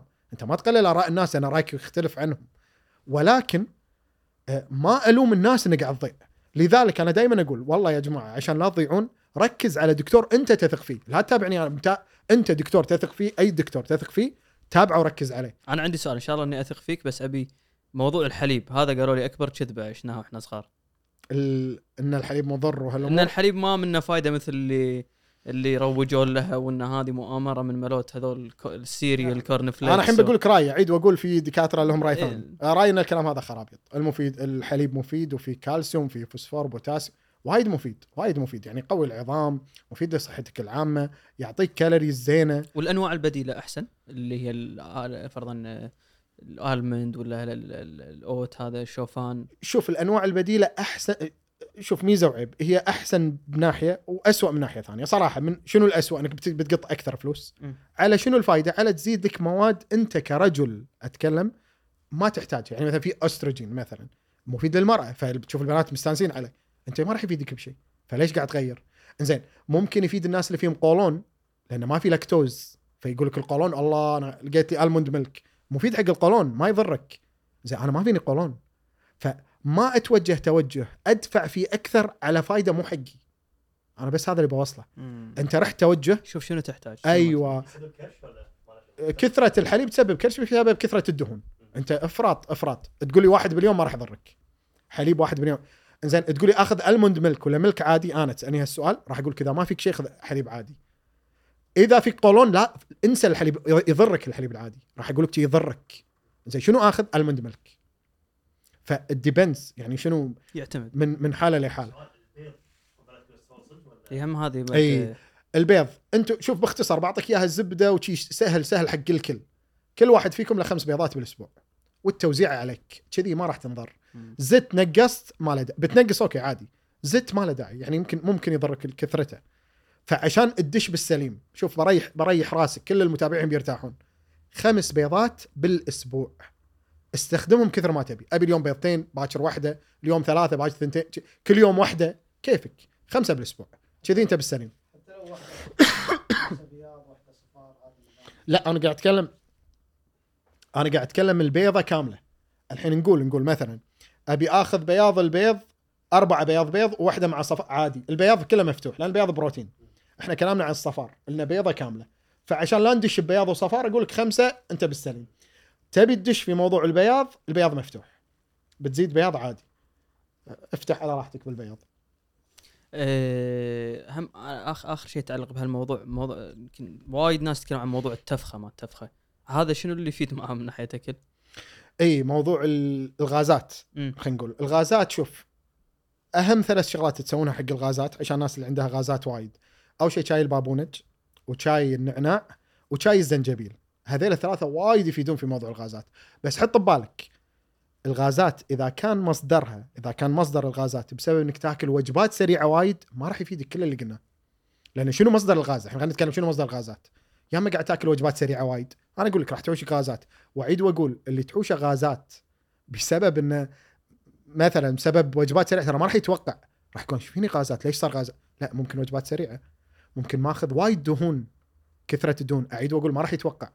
وايد دهون تسبب غازات. م. كذلك المدخنين وايد غازات. أي شيء ترى يدخل هواء أنت خذها بالمنطق. يدخل هواء أو يدخل غاز طبيعي وبالمنطق بيدش غ... بيصير في غازات. أعطيك مثال. اللي يشربون مشروبات سواء بيبسي عادي أو بيبسي دايت. تشربها كذي من القلاص غير تشربها ترى من عود شلون العود لا دخل؟ يسبب لك غازات. شلون؟ العود أول شيء شنو تشفط؟ قبل لا تشفط العود. راح تشفط هواء. لاحظ أنت أول شيء ماكو شيء ماكو شيء. بعدين شنو يدش؟ بعدين يدش مشروب الغازي بس انت هذه مو مرة واحدة انت بتخليه. تاكل تاكل ترد مرة ثانية. أول شيء شفط شنو؟ الهواء. بعدين رجعت بالمشروب الغازي. انت سويت double impact أول شيء دخلت هواء فغازات. والمشروب الغازي؟ غازات. ف double impact طيب لو أشرب المشروب الغازي كذي كذي من القلاص بس بروحه. هم غازات بس أقل من مع عود. لاحظت؟ زين فالمشروبات الغازية تسبب غازات. بالعقل وبالمنطق. العود نعم. يسبب. كذلك اذا إذا مثلا نقدر نقول إن أنت إنسان وايد تأكل وجبات سريعة غازات حتى لو بدون بدون بدون مشروب غازي بسبب كثرة الدهون. وكذلك إذا تأخذ دهون مثلا عيش تونا اللي تكلمنا عنه عيش ولحم متروس دهن بتشوف نفسك غازات. فهذه أمور أعيد وأقول غير متوقعة إن تسبب غازات ولكنها رقم واحد. طيب والحل؟ المشروبات اللي قلنا عنها. تشرب المشروبات اللي قلنا عنها وأنت تأكل وايد وجبات سريعة راح تخفف بس ما راح تمنع. ما راح تخف عندك راح تلاحظ إنه أوكي بس ما راحت. طيب الرياضة لها دور بالغازات وايد تخفف. مم. الرياضة وايد راح تخفف بالغازات. بس عموما في نقطة حلوة بموضوع الغازات نقطة يمكن وايد تفيدكم إن اللي عندهم وايد غازات بالبطن غير الإحراج أنا أقول لك موضوع محرج يعني صح. إحراج وقبالنا بس غير هالموضوع ترى ماكو side effect. يعني مو مو إنه شيء صحي وما لا لا لا إلا اللهم متى الغازات عارض صحي؟ إذا كانت تدل على وجود قولون أنت عندك مشكلة بالقولون.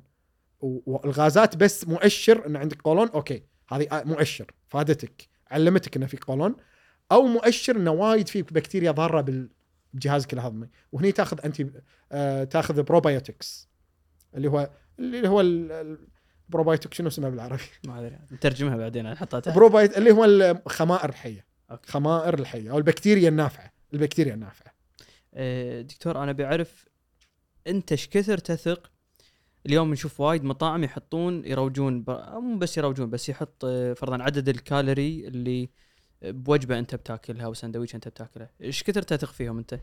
والله أنا ما أحب اوسوس فخلينا نقول أثق بنسبة 90% في تلاعب؟ 100% 90 إي 90 ما أبي أقول في تعب ما أبي أظلمهم ولا بصراحة يعني بس أنا أدري شوف عالميا عالميا عالميا بكل العالم لك حق بال calories تزيد وتنقص 3% يعني تروح فوق أو تحت.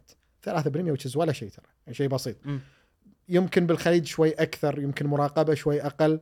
فتقول لي 100% أثق بالرقم خصوصا إذا منتج صراحة صراحة إذا منتج عربي ما أقول لك أنا شايل الثقة بس أنا حاط 90% ثقة فيهم شايل 10% احتياط. بأمانة.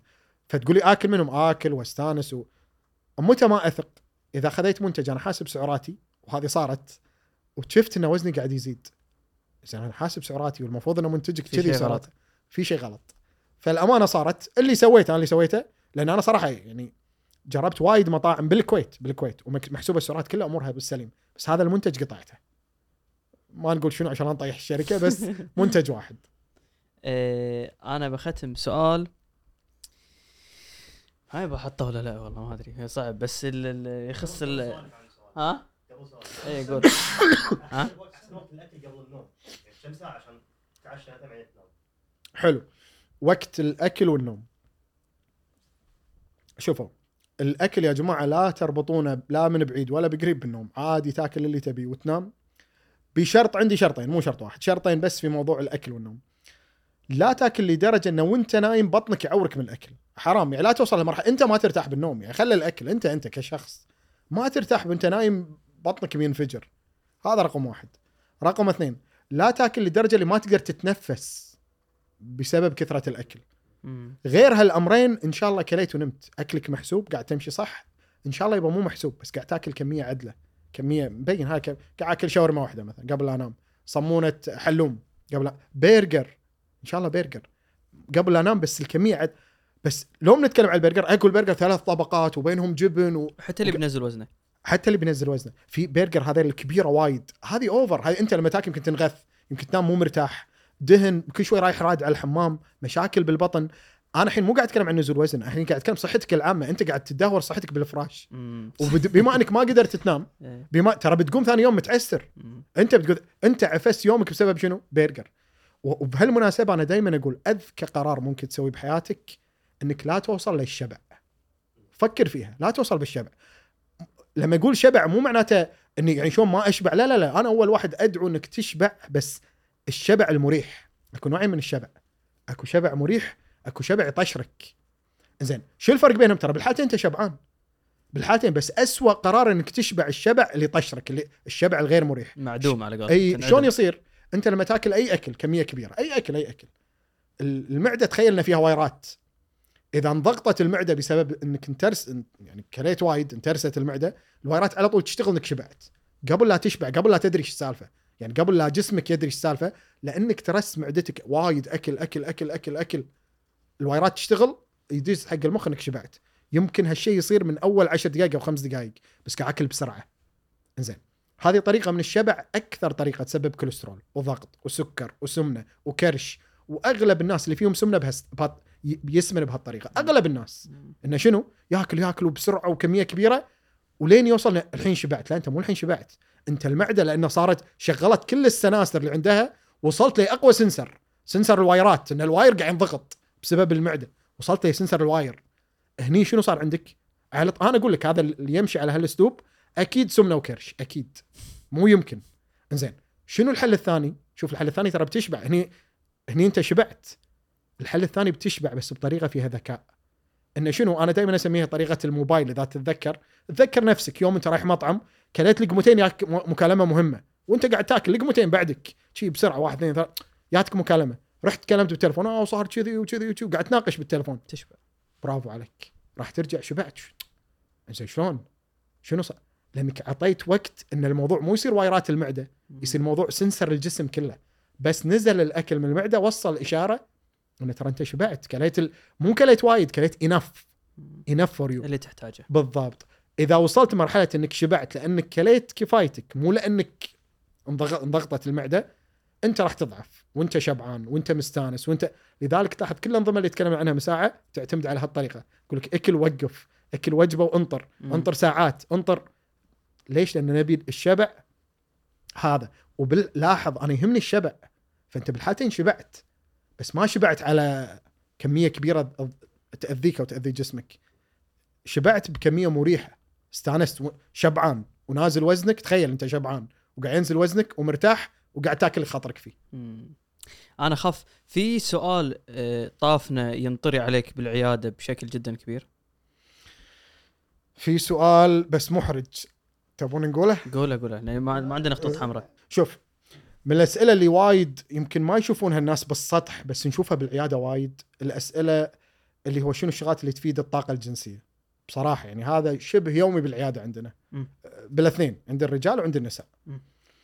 وهو الصراحة مو سؤال محرج يعني هو سؤال علمي صح. يعني هو اللي جايك يبي شيء علمي صح، مو صح، صح. مو شيء إحراج ولا ولا عيب ولا ما فيها صح. شيء زين شنو الشغلات اللي تزيد الأمور الجنسية وتزيد الطاقة الجنسية نتكلم للرجل وللمرأة وعلى فكرة ذكرتني بقصة لازم أقولها أنا ياني زوج وزوجته الزوج قال طبعا في أزواج تعرف اللي ضايق خلقه من يعني جسم زوج ها شلون شي سمنه ويقط فيه بعد بعد الله يهداهم الشباب ربعنا يقط يقط قوي يعني حكي قوي وقبالي زين ما يصير قبالي ما يصير أسمع إنه فيها وفيها وسمنة و... المهم أنت لحظه أنت ماخذ دور التغذية الحين طيب نفسي والحين علاقات زوجية علاقات زوج والله أنا لازم في أشياء لازم لازم صح صح, صح. أقول لك شنو قلت له؟ قلت له إنزين أنت الحين شنو المطلوب؟ يعني أنت شنو تبيني أسوي؟ الحين زوجتك تبي نظام غذائي تقول لا آه أنا أبي تسوي تكميم. هي مصرة إن تي عندك وتسوي نظام غذائي. قلت له أنا اللي اشوفه إنه تحتاج تك... آه، sorry تحتاج نظام غذائي. صدق يعني ما فيها السمنة اللي over فيها سمنة بس مو اللي over كان يقول لي لا ما أنا مو مقتنع. قلت له اللي تشوف أنا شو انت تكميم؟ تكميم أحولها تكميم. نظام غذائي عندي. كان قلت سألت أنا شنو تبين؟ قالت لي صراحة احس بالنظام الغذائي راح أضعف. قال إذا ضعفت أوكي. قلت أوكي. سوينا نظام غذائي راحت. ما شفتهم سنة ونص يمكن. أوف. بعد سنة ونص ياني ولا بنيه مختفيه أصلا. ضعيفه بس جاتني بروحها مو موجود الزوج. كان أقول لها ما شاء الله. كانت تقول عشان سويت تكميم. أه أنت شفت الحنة اللي جاتني وكذي إنه إنه ضروري تسوين تكميم. يعني ما في روح وتعال. قلت لها والله إذا حن عليك وأنت مقتنعه قالت لا أنا مو مقتنع أنا سويت عشانه. مو مقتنع نهائي بالموضوع. قلت لها والله القرار لكم هذا أنتم بينكم كأزواج. بس النتيجة إن أنت الحين ضعفتي أتو... يعني صارت ضعيفة ضعيفة. قلت لها أتوقع الحين هذا اللي يبيه زوجك. تقول لا زوجي طلقني. أوه. قلت له شلون أنتوا الحين؟ هي مطلقين إحنا. أنا جايتك الحين مطلقة. الحين أنا جايتك بزيد وزني. قلت لها زين لحظة. شنو اللي صار أنتم مو جايين الهدف والهوشة واللويا اللي كانت على أبونا تبي تنزلين؟ سوت اللي تبيه بالضبط. قلت أنت وصلتي حق اللي يبيه زوجك. كانت تقول لي لما شافني الحين كان يشتكي من شنو؟ إن أنت سمينة. وشنو هذا؟ ما اعرف اقعد مع وحدة. قال حكي وايد. زين الحين ضعفتي. تقول أنا ما أقعد مع وحدة عصقول فيا جماعة أنا أبي أوصل رسالة من هالقصة. إن أنت يسوي شيء مقتنعه فيه. الزوج له احترامه وتقديره وتعطينا اللي اللي تشوفينه مناسب ولكن النتيجة أنت. الحين هي قاعد تقولي أنا الحين أنا مو عاجبني اللي أنا وصلت له. فالحين ماكو زوج ومو عاجبها جسمها. تقول اول أنا راضية بس عشان زوج يعني أسوي بس أنا راضية عن جسمي راضية. كانت مو سمنه وايد. فاللي بوصله يا جماعة بتسوون أي قرار تبي تتخذونه اتخذونه بناء على قناعة. مو أي قرار هذا قرار صعب يعني. بالضبط برافو عليك محمد. مو قناعة ب... مو بيي بدش مشرط وعملية عشان أنتم متفقين اثنينكم وانت مقتنعه د- دوت. غير كذي غير كذي قناعة تامة سواء أسوي العملية أو ما أسوي أنت لازم تكون مقتنعه. هذا رقم واحد. الموضوع الثاني اللي قلنا نبي نتكلم عنه موضوع الزواج والطاقة الجنسية. شوفوا الطاقة الجنسية عموما عند الرجل وعند المرأة تتأثر بثلاث عوامل. ثلاث عوامل أساسية. أول شيء رقم واحد المزاج.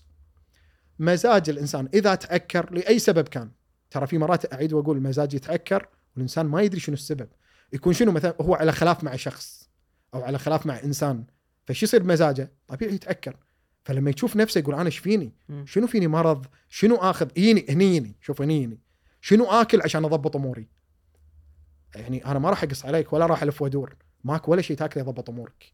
اللي يضبط أمورك ال overthinking أو التفكير الزايد تقلله. ماكو طاقة جنسية تجيب عند أي إنسان مع تفكير زايد مشكلة. ماكو ماكو. من أكبرها وأسمنها لاقل واحد؟ ماكو. ليش؟ التفكير مباشرة يأثر على طاقتك الجنسية.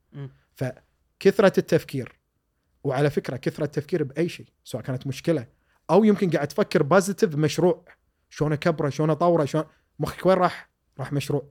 فما راح ما راح يعجبك الشيء اللي بتسويه بعدين. فال overthinking أو التفكير الزايد رقم واحد بالتأثير على الأمور الجنسية. مو التغذية. شوف شغلي وأقول لك. مو التغذية.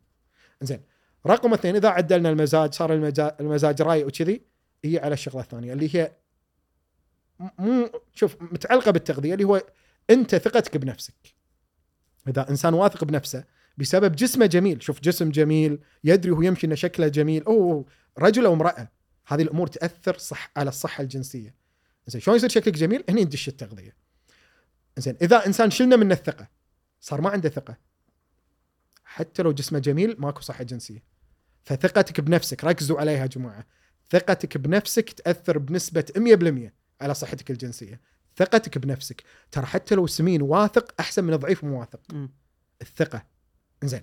ولكن الثقة شلون عادة عادة. الثقة شلون إن جسمه جميل فيصير واثق من جسمه. غالبا السمنة صراحة. غالبا السمنة إي معاها شنو؟ قلة ثقة. إذا ما يعني تكون راضي عن جسمك. أيوه بالضبط. وغالبا كل ما نزلت وزنك وكل ما يعني صحتك العامة أفضل شو يصير فيك؟ أنت ثقتك بنفسك تزيد وبالتالي الصحة الجنسية أفضل. هذه رقم اثنين. رقم ثلاثة الرياضة. سحر الرياضة يا جماعة سحر سحر. ما بالغ إذا أقول لكم أنت بتشوف بس في واحد يقول معقولة الرياضة تسوي خليك من معقوله يبا روح دش نادي وشوف. بس تمرن تمرن. يعني تمر اقعد ساعة بالنادي. تمرن روح أسبوع تمرن. مم. شوف صحتك العامة الجنسية شلون بتصير. فالرياضة تلعب دور وايد كبير. تقول لي على الأكل اللي هو نعيد ونقول يضبط جسمك يضبط إمبلا ضروري تاخذ البروتينات الكافية. الأفوكادو وايد مفيد. السمك الاسماك أفوكادو الدهنيه صدق هذا ها؟ لا صدق صدق. لأن في دهون صحية. هو مو صدفة هو في دهون صحية. والأسماك الدهنية. شو الأسماك الدهنية؟ اللي هو السمك آه اللي هو عفوا السلمون والميد والصبور. هذول الاسماك الدهنية. مم. بس هالثلاثة. الأسماك الباقي زينة بس دهنيه فأنت تحتاج هالأمور حق الطاقة الجنسية. فهذه الأمور تضبطها ثقتك بنفسك تضبطها. أوه مستواك بطاقتك الجنسية وايد راح تشوف فرق. ثقتك بنفسك رفعها. نصيحة. بأي طريقة كانت. اثنين طف التفكير السلبي والأفكار السلبية بقدر المستطاع لأن ترى الأفكار السلبية مو بيدك يعني لما واحد أنت داش بخلاف مع واحد أنت ودك ما تزعل بس أنت زعلان شلون يعني مو بيدك أنا أدري يسمونها أمور قسرية وقهرية ولكن تحط بعين الاعتبار كل ما قل التفكير كل ما زادت القدرة الجنسية والعكس بالعكس. رقم ثلاثة الرياضة. طيب شنو أفضل رياضة؟ إنك تدمج بالطاقة الجنسية بالذات أفضل شيء إنك تدمج الكارديو مع الحديد، إنك تبي عضل تبي الطاقة العضلية اللي تجيلك وتبي طاقة القلب اللي تجيك من ال cardio. سويت هالامور تعال اشكرني أنا راح تشوف وايد وايد فرق معك. يعني فرق السما عن الأرض فرق كبير. وكل شيء أنا قلته بتسوي عكسه أو إجبار أنت مجبور إنك سويت عكسه أو بسبب التفكير القهري أو القسري انه صار تفكير القسري إنه خلاص بديت أفكر بالمشكلة بديت بديت بديت ترى خذها قاعدة. طبيعي طبيعي إن طاقتك الجنسية بتقل. شيء طبيعي جدا. نقطة أخيرة بذكرها بالمو... بالموضوع. لو واحد هذا لأن أس- أنسأل عنها بالعيادة وايد. إن كلنا مرينا بمشاكل ودشينا بخلافات و و و فطاقتنا الجنسية نزلت وظل الموضوع سنين يعني في ناس ترى يقولون دشينا محاكم. يعني على موضوع موضوع كان. وطول فترة المحكمة أنا بتوتر أنا بستريس ناطر الحكم ناطر الم... فطاقتي down ابي شيء يرفعها. إنزين السؤال الحين هذا السؤال اللي الحين عرفنا شنو الشغلات اللي تزيد وتنزل. السؤال عقب ما ظليت سنين وأنا طا- طاقتي الجنسية تحت. في مجال تصعد ولا خلاص صار ال level تحت؟ لا طول ما إن ارتفعت الأمور الثانية يعني ارتفعت عنك خلاص صارت صار أمورك بالسليم تصعد طاقتك الجنسية فترجع حتى لو كانت سنين. بس أنا أقول لك طول ما أنت بفترة ال stress فترة القلق أنت طبيعي ترى down طبيعي جدا. يعني حتى لا تخاف لأن في ناس يوني شنو ان أنا خلاص يعني انتهيت. اي انتهت حياتي وصلنا كذي ومتى الأمانة أنا متى أستانس ما إن الحين هو ما ترى مهما تقول له والله عادي والأمور طيبة وانطر وشوي طول بالك. ما راح يصدقك لين بعد خمس سنين يجيك يقول الحين عقب ما انتهت المشكلة رجعت طبيعي. فتشوفه بعد خمس سنين راجع طبيعي أنا أستانس صراحة يعني استانست أفرح له إنه تغير حياته من إلى وخصوصا الرجل لأنه لا يسمع كلام بعدين يزعل عرفت فالرجل تهمه المواضيع وايد وايد. يعني في مراجعين عندي يقول يبغى أنا خلي يصير فيني ضغط وسكر كنت لا يصير فيني فشبابنا والله مساكين. يعني والله يبي يبي إنه يرضي الأطراف صراحة يبي شيء إنه زين حقه وحق عائلته. فنقول لهم عليكم بالعافية إنه زين أنت تبي العائلة كلها تكون سعيدة ولكن خلينا نقول بالطرق اللي أنا قلت لك إياها و...